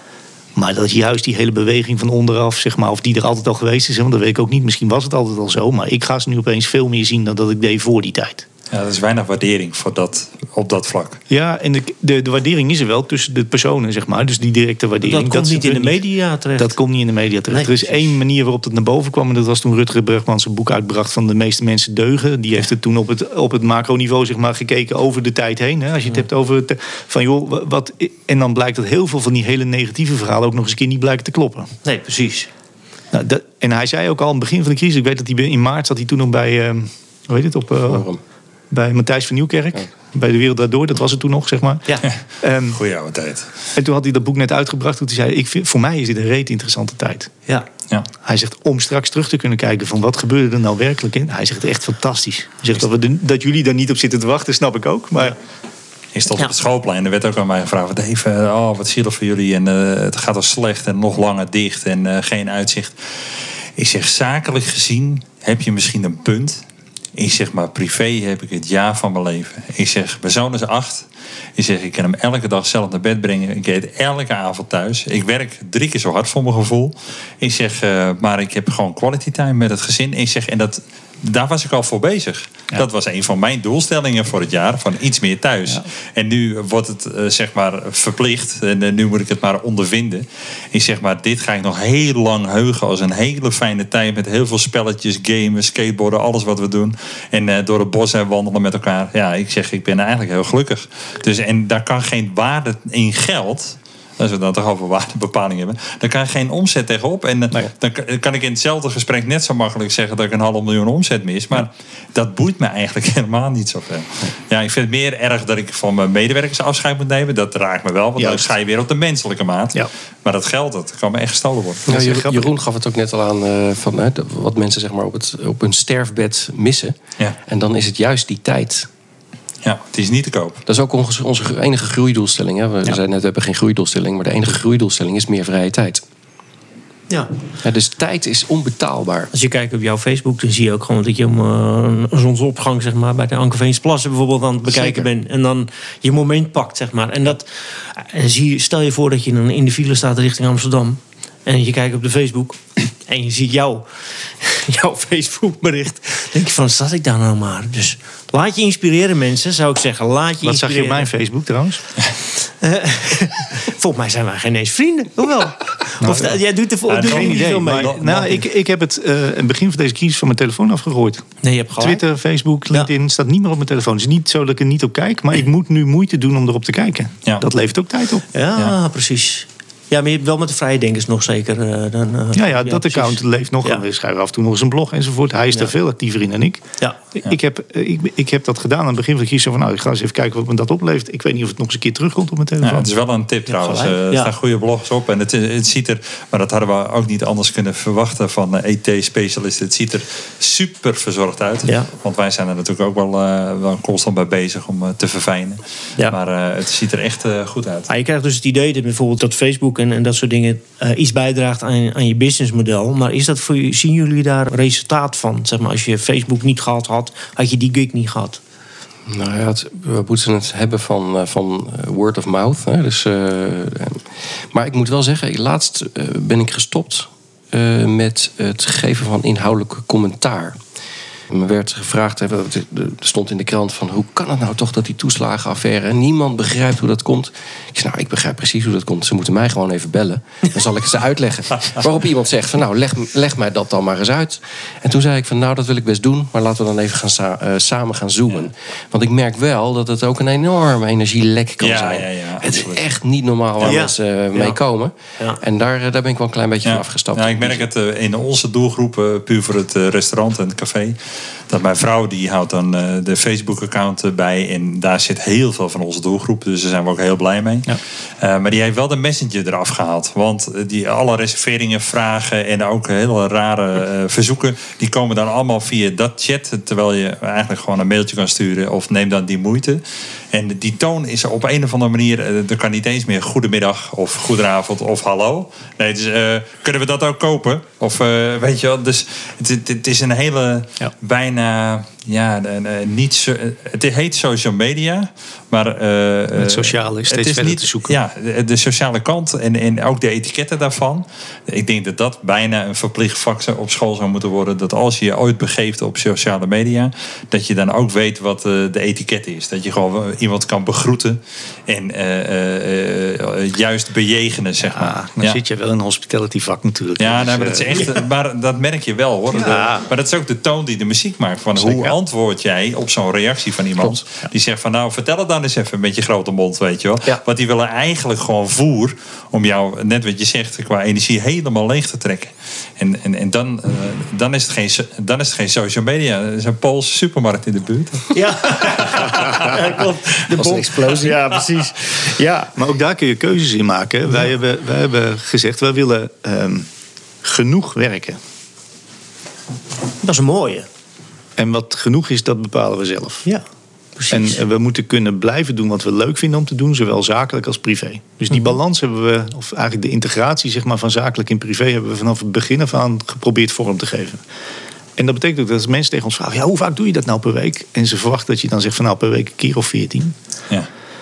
Dat wij zeggen van nou, Of nee. 80 uur per week. Dat Ja, je, of wat dan ja. ook. En mijn antwoord om een beetje een reactie uit te lokken is dan meestal heel flauw van eh, nou, zo min mogelijk.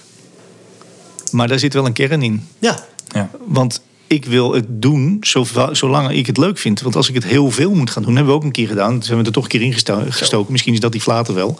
Ja. Dat we toch drie keer op één dag Ja. een workshop moesten doen op drie Ja. verschillende locaties, dwars door het hele land heen. Helemaal gaar, ja. ja. Ja, weet je, en dan denk je, het is maar een uurtje presenteren. Maar het is eh, er naartoe rijden, voorbereiden, voorbespreken, techniek in orde brengen. Dan zorgen dat je die hele zaal een uur lang meekrijgt. Dan afbreken, afbouwen, commentaar eh, beantwoorden je enzovoort. kunnen. Ja. Jeetje, Mineman, dan zit je echt de laatste, de laatste rit. Ik weet nog heel goed, die was s'avonds. En toen hadden ze ook al de bar open gegooid. Dus dan weet je dat je extra energie erin moet stoppen om de aandacht weer terug te krijgen. Want we hebben toch een inhoudelijk verhaal. Ja. En we rijden daar naartoe en ik zit, we zitten elkaar aan te kijken. Ik zeg, ik heb hier echt geen zin meer in. Nee. Het is dat we het afgesproken hebben. We gaan het ook doen. En ze gaat, niemand gaat het merken in de zaal. Maar dit doen we echt nooit meer. Gewoon leveren, maar meteen wel zo'n spiegel van klaar. Toen werd het werk. Ja. Toen werd het besef ook in één keer Ja. van... di- dit is gewoon weer productie draaien. En dat is precies wat we niet willen. We hebben normaal altijd een, eh, een, eh, hoe noem jij dat altijd? zo? De- Ja, we hebben een internettip. Wij, wij zijn natuurlijk ook eh, goed te vinden op eh, businessjam.nl. We mogen in onze eigen podcast gewoon schaamteloos reclame maken, Ja. juist. En eh, ja, die, die site die, die wordt helemaal eh, mede mogelijk gemaakt door eh, onze internetmeneer eh, Frank Busman van Smedes. internet. Dus we gaan even met, eh, met Frank even bellen. Hij heeft nog wel eens een weetje. Hij heeft nog wel eens een weetje. We gaan even bellen met Frank. Hey, Dave Jeroen. Hey Frank. Hey Hoe is het? Frankie. Hoe is je nou? Hey, even een vraagje. Heb jij een website die het nog steeds niet doet op een mobiel? Want als dat het geval is, dan wordt het echt tijd om daar wat aan te gaan doen hoor. Dat noemen ze responsive design. Nou goed, dat is allemaal niet nieuw, want dat bestaat al jaren. Maar dat betekent dus dat je website en op een mobiel en op een desktop net zo goed werkt. En Google die gaat vanaf maart 2021 stoppen met het indexeren van websites die het alleen op een desktop goed doen. Dus als je website nu nog steeds niet mobiel geschikt is, dan wordt het echt tijd om daar wat aan te gaan doen. Want anders dan ben je gewoon uit de zoekmachine. Oh, dat is wel goed om te weten. Ja, daar kun je nu nog actie op ondernemen. Dus nou, als je website nog steeds niet mobiel geschikt is, laat het me gerust weten en dan kijk ik even met je mee. Nou jongens, dat was hem even. Dankjewel. Fijne dag hè. Ja, top Frank. Hey, bedankt weer. dat je er was, hè. Tot de volgende. dank je. Doei. Hoi. We zitten natuurlijk voor de Business Jam over de pijn en passie bij ondernemen. Nou, we hebben het eh, eh, uitgebreid gehad over hoe het begonnen is. eh, wat jullie gezamenlijke gevoel was om uiteindelijk uit te breken uit die loonslavernij, zoals jullie dat mooi kunnen omschrijven. Maar er zijn nog heel veel starters in de markt, heel veel jonge mensen of oude mensen, want je kan op je 65 ook prima een bedrijf starten. Ehm, wat is jullie gouden tip voor diegenen die twijfelen om voor zichzelf te beginnen? Gewoon doen. Ja, dat is het enige. Gewoon doen. En dat, dat leven jullie helemaal. Doen is het nieuwe denken. Doen is de beste manier van denken, nog steeds. Ja. Ja, je kunt het alleen maar ondervinden. En in het ondervinden eh, ondervind je daadwerkelijk of je ondernemer bent of niet. Hè, als je daar slapeloze nachten van hebt, als je, als je inkomen wegvalt, dan is het misschien slimmer om gewoon een baan. eh, Ja, dat is en misschien niet handig. Hè, dat is misschien niet handig. Hè, maar als je opleeft door inderdaad je eigen dag te kunnen bepalen en je eigen activiteiten te kunnen doen, ja, dan, dan, dan zit je in het ondernemersvak. En dan nog is het de vraag hè, of je er ook geld mee kunt verdienen. Want dat is natuurlijk weer, hè, je kunt ondernemen wat je wilt. Eh, maar als je het niet om weet te zetten in, eh, in ook iets van waarde, waardoor je eh, kunt blijven overleven en ook je, je hypotheek of wat ook kan, eh, kan aflossen. Ja, dat is de kunst, om dat te balanceren. Ja, en ik denk om die drempel wat kleiner te maken. Want ik, ik ben bang dat heel veel mensen er niet toe komen omdat ze het te groot maken voor zichzelf. Ja. Hè, dus, dus ik wil voor mezelf beginnen. Dan ga je vragen wat is daarvoor nodig. En dan is er van alles voor nodig. En dan zijn er dus ook gelijk automatisch allerlei beren waarom dat niet gaat lukken. Want je hebt dat ene niet, zeg maar. Oké, maak het dan maar kleiner. Zoek naar het kleinste stapje wat je wel kan zetten. In de richting van dat zelfstandig ondernemen zijn. Zo zijn wij eigenlijk achteraf ook gewoon gegaan. Geen pand gehuurd met kantoorruimte. Nee, dat sowieso Nee, nog steeds niet. Nee. Ehm, alleen dat rijdend kantoor, wat ervoor zorgt dat we heel Nederland door kunnen, zeg maar. Ja. Maar wij zijn, toen we nog in loondienst waren, zijn we eigenlijk ook al begonnen met het zelf ondernemen door dingen te doen. Door gewoon, hè, door die manager te ontslaan, door te stoppen met uren schrijven, door waardebepaling achteraf te gebruiken, door de functie af te schaffen. Door, dat, zijn al, dat is niet in één keer gegaan, dat is over een periode van jaren. Zijn dat allemaal kleine stapjes geweest die uiteindelijk uitkwamen op, ja, weet je, en nu is het eigenlijk bijna hetzelfde als een onderneming. Alleen we zitten nog steeds vast binnen die andere onderneming. En dat begint te schuren. Nou, nou, dan trekken we het eruit en dan gaan we zelfstandig verder. Zo hebben wij het voor onszelf zo klein kunnen maken dat we het stapsgewijs voor elkaar gekregen hebben.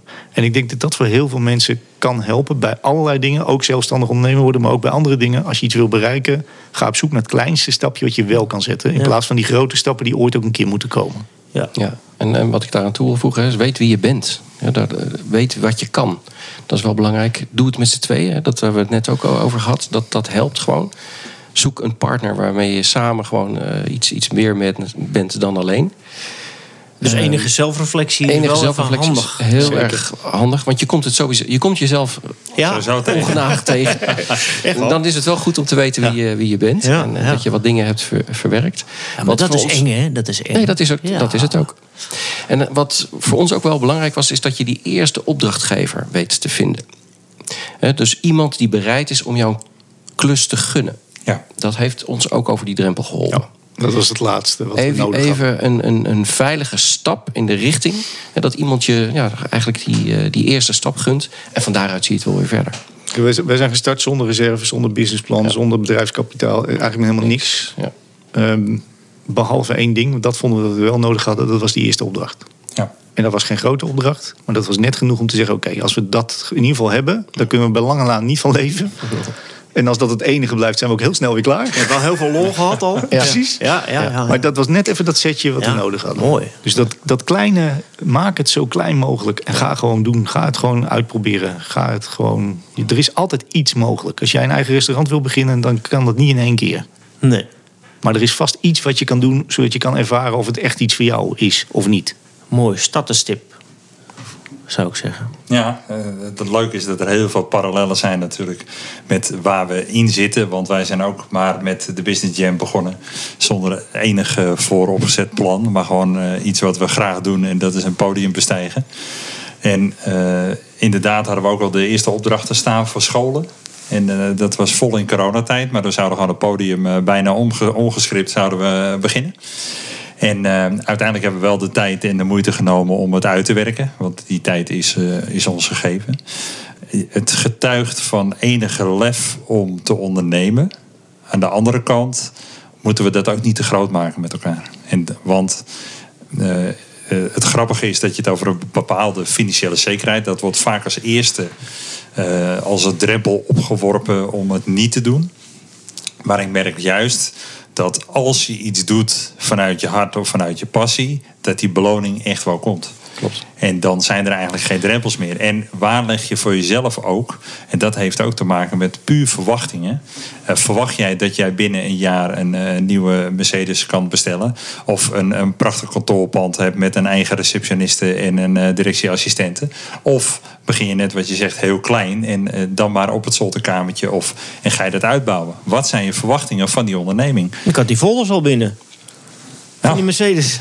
dat jij vertelt hier dat... dat Ik ben niet zo'n Mercedes-man, dus die laten nee, je bent meer Renault, hè? Ja, Ja, we ja. laten die eh, voorbij schieten. Maar goed, ik merk wel heel erg wat jullie als tip aangeven. Van, eh, we gaan gewoon beginnen. En, eh, en werp niet te veel drempels op. Gewoon doen. En je kosten laag houden. We, we zijn ook met twee hele oude auto's gestart. Die van mij al twee ton, die van jou had drie ton eh, gelopen, geloof ik. Nou, daar hebben we natuurlijk onderweg ook wel wat, wat probleempjes eh, mee gehad. Maar het heeft ook wel een charme. Ja. Je hebt in ieder geval een verhaal. Ja, dat is echt geweldig. Ja, geweldig. En het zit, zit elkaar niet in de weg. Hè? Want ehm, op die manier starten wil niet zeggen dat je niet uiteindelijk op diezelfde doelstellingen uit kan komen. Hè, dus als jij echt als ambitie hebt om een groot bedrijf neer te zetten met heel veel werknemers. Ja, dat begint niet als groot bedrijf met heel veel werknemers. Dat begint gewoon in je eentje. Maar dat wil niet zeggen dat je er nooit komt.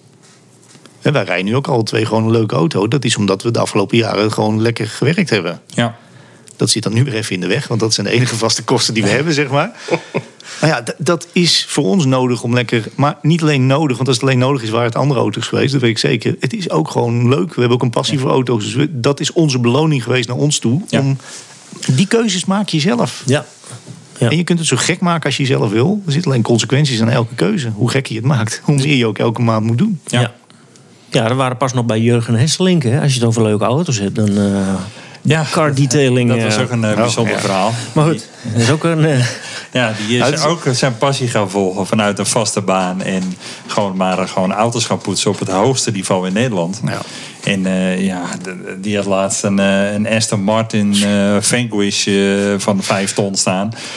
En dan mag hij zijn hand aanleggen. Ja, dat, dat is prachtig dat je Ja. vanuit je passie zulke dingen mag doen. Dus dat is een heel mooi voorbeeld. Dus Ja. als die auto's genoeg waarde hebben, heb ik nog wel een goed poetsadres. nee, zo extreem zeker niet. Gelukkig niet ook. ja. Eén ding, Jeroen. Want Ja. ehm, in de eerste of in de tweede podcast zei één van jullie twee, ik weet niet meer of jij of jij het was, van joh, het is een soort trend, ook zeker in Amerika, dat je even niks doet. Ik weet niet of je het nog kan herinneren. Ja, waarschijnlijk zal ik dat wel gezegd hebben, want daar ben ik gek op. En ik moest, ik, daarna ben ik even gaan kijken. Ik denk van wanneer is die podcast? Ah, januari of februari dit jaar. Dat was voor corona. Ik snap hem. Hè, toen was het een trend. Ja. Maar hoe kijk je daar nu op terug? Daar was ik even benieuwd naar. Oh, ehm, nou heb ik me sowieso... Ja, ben ik eigenlijk wel dingen aan het doen. Alleen op een heel andere manier. Want ik heb mezelf losgemaakt van het patroon wat ik had. Ik Ja. noemde mezelf... eh, op een bepaald moment dan noem je jezelf iets. Weet je wel, ik ben... eh, wat, wat, wat doe je? Ik ben Ja. gitaarreparateur. En dat, dat was wat ik deed en dat was ik dagelijks mee bezig. En ik had een andere plek en dat was ik dus echt... Ja, ik kwam iedere dag daar mee bezig en dan was dat... Maar nu ben ik niet, zeg maar, zelf me niet vast op, op, op wat ik iets doe. Als ik zin om, heb om vanavond bijvoorbeeld een, eh, een project te gaan mixen met muziek, dan ga ik dat vanavond doen. Als ik geen zin heb, omdat ik niet creatief ben, dan doe ik het op een andere manier. Dan ga ik 's morgens vroeg bijvoorbeeld heen. Of eh, als eh, Erik naar zijn, zijn dagbesteden gaat, zeg maar. Ja, dan ga ik bijvoorbeeld om 7 uur al deze kant op. En dan ga ik lekker een bakje koffie zitten. Dan ga ik even over de haven kijken. En dan ga ik eens eventjes Ehm, dus ik zit helemaal niet meer vast in patronen. En niemand zegt tegen mij van je moet nu dat doen. Het enige wat ik heb dan bijvoorbeeld een deadline. eh, Van nou, als het project maar klaar is. Dan, eh, dus, en dat geeft zoveel vrijheid. En eh, eigenlijk lijkt het wel op niks doen omdat het eh, iets doen lijkt, lijkt me zeg maar, of er een agenda aan vast zit. Eh, die, die, die is eigenlijk vrij leeg. Het enige waar wij dus nu met mijn vrouw en ik nog eh, mee bezig zijn van... oké, wie doet die ochtend ons dochter, zeg maar... Ja, waardoor ja. ik kan doen wat ik wil. Ja. En eh, dan doe ik smiddags bijvoorbeeld, of andersom. Dat is eh, de agenda die we hebben. En nou, deze podcast stond er natuurlijk mooi in. En eigenlijk is dat, zijn dat alleen maar leuke dingen. Dus niet eens meer werk. Dat is leuke dingen om te doen.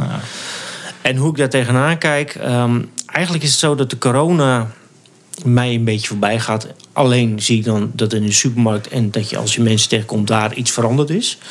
Maar ik was al sowieso al vrij geïsoleerd in mijn, eh, in mijn werk en wat ik doe. Dus ik zat ook niet op kantoor en dat soort dingen. Dus wat ik wel erg prettig vond... is dat de hele wereld leek op een bepaald moment wel... dat we moesten stoppen Ja. met haasten. En dan zie je ook eigenlijk de waanzin van dat vliegwiel... wat zo hard moet gaan op een of andere Wat we manier. met elkaar in stand houden. Ja. Ja. ja, De economie moet draaien. Ja, we hebben minder. Ge, de, de economie groeit minder hard. Het groeit dus nog wel. Maar het lijkt dan wel. Ja, met 0,9% is het minder hard gegroeid. En dan denk ik, ja, maar wat is dat nou? Dus iedereen raakt in paniek en mensen die raken in de stress.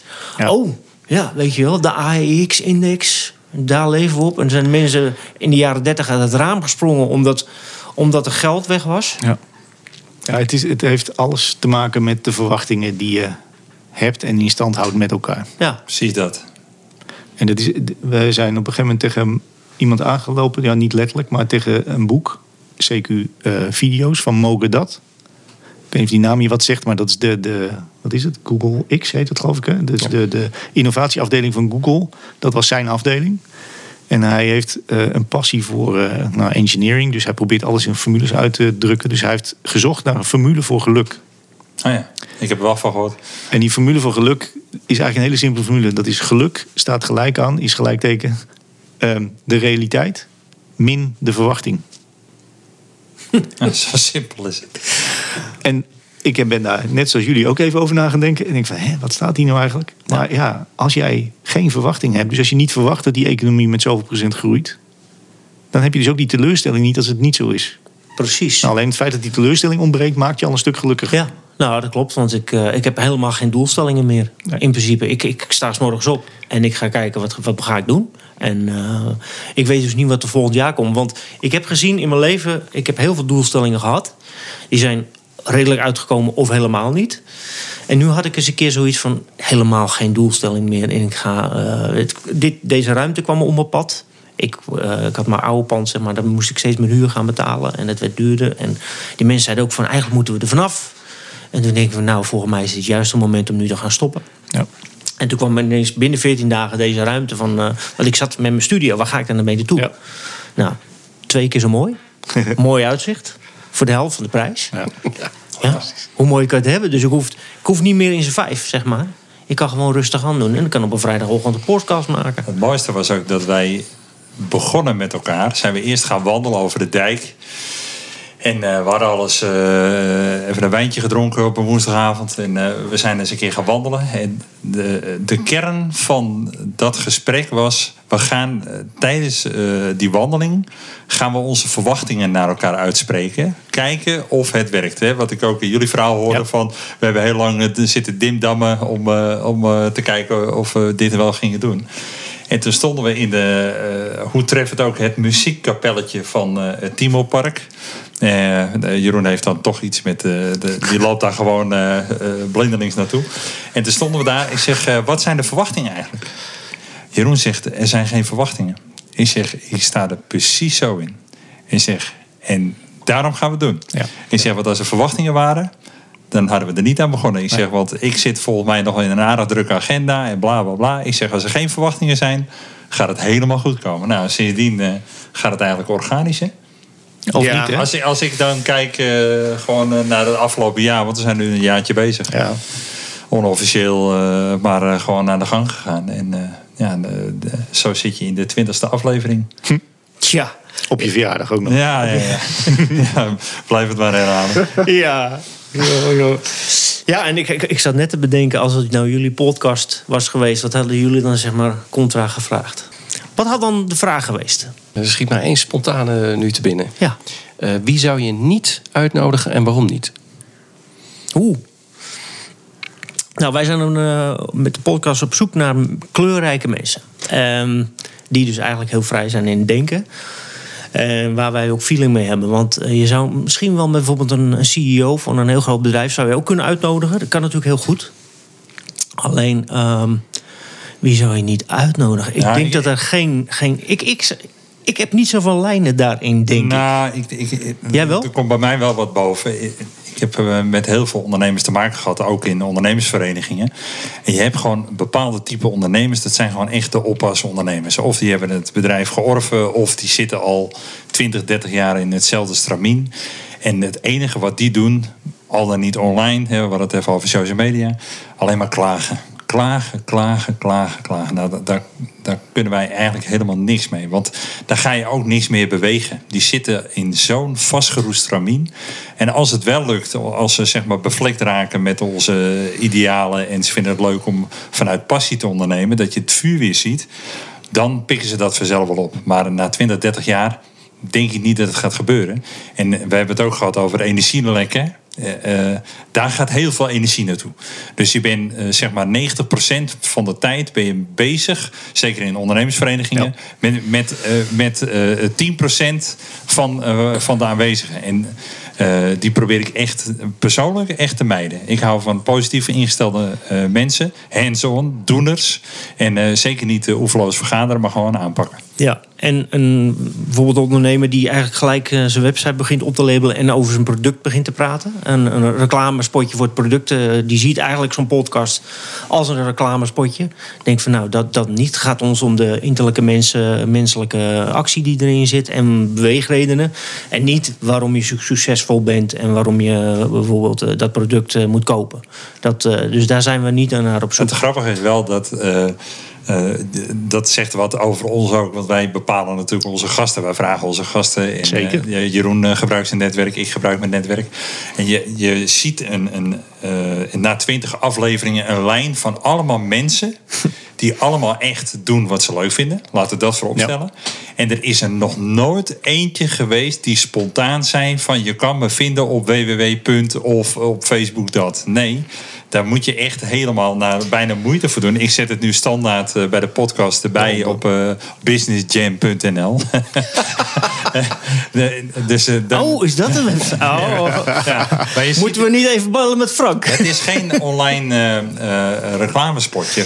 En de puurheid en ik denk ook de laid-back gevoel van... joh, we gaan lekker op de koffie en we gaan een mooi verhaal van maken. En er zitten een paar vaste items in. Ik denk dat dat enorm werkt.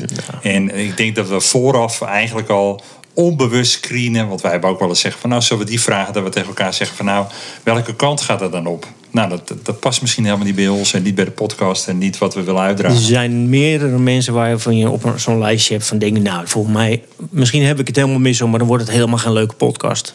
Of het gaat alleen maar over, eh, over cijfers en procenten of zo. Ja. Weet je, wel. Of Ja. de- je hebt natuurlijk een Harry Mens benadering. Dat is natuurlijk hartstikke leuk voor sommige mensen. Ja. Maar het gaat mij veel meer om van wat beweegt nou iemand om door het leven te gaan en eigenlijk te zeggen van nou ik doe wat ik, waar ik in geloof. Ja. Dat is wat ik erg belangrijk vind.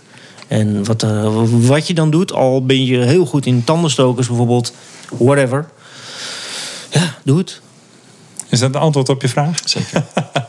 Ja, nog een vraag, eh, Patrick. Ja, ja, want de, als, het, als het onze podcast zou zijn, dan zou ik misschien nog wel deze vraag stellen, zat ik te bedenken. Ehm, wij gaan uit van dat je op zoek gaat naar het kleinst mogelijke stapje wat je wel kunt zetten. hè? Wat zou het kleinste stapje kunnen zijn wat wij kunnen zetten om jullie een stapje verder te helpen? Wat kunnen wij voor jullie doen? Wat is iets heel kleins wat we voor jullie kunnen doen om jullie een stapje verder te helpen? Nou, daar heb ik wel een hele goeie. Want eh, ik ben gek van eh, stages en eh, ontzettend leergierig.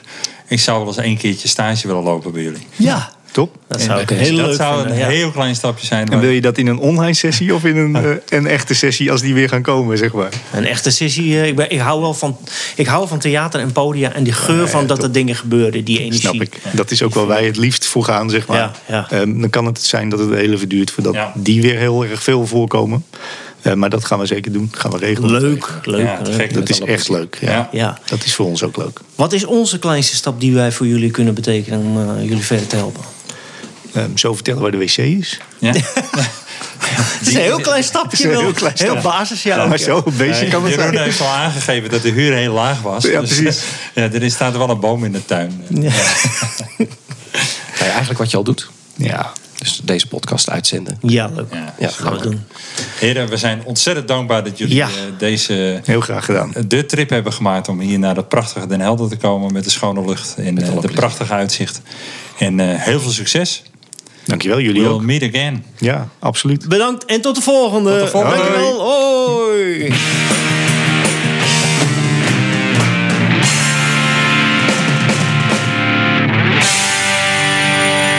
Vond je deze podcast inspirerend en wil je meer horen? Ga dan naar businessjam.nl. De Business Jam is ook als presentatie te boeken voor ondernemersverenigingen, startersdagen en scholen.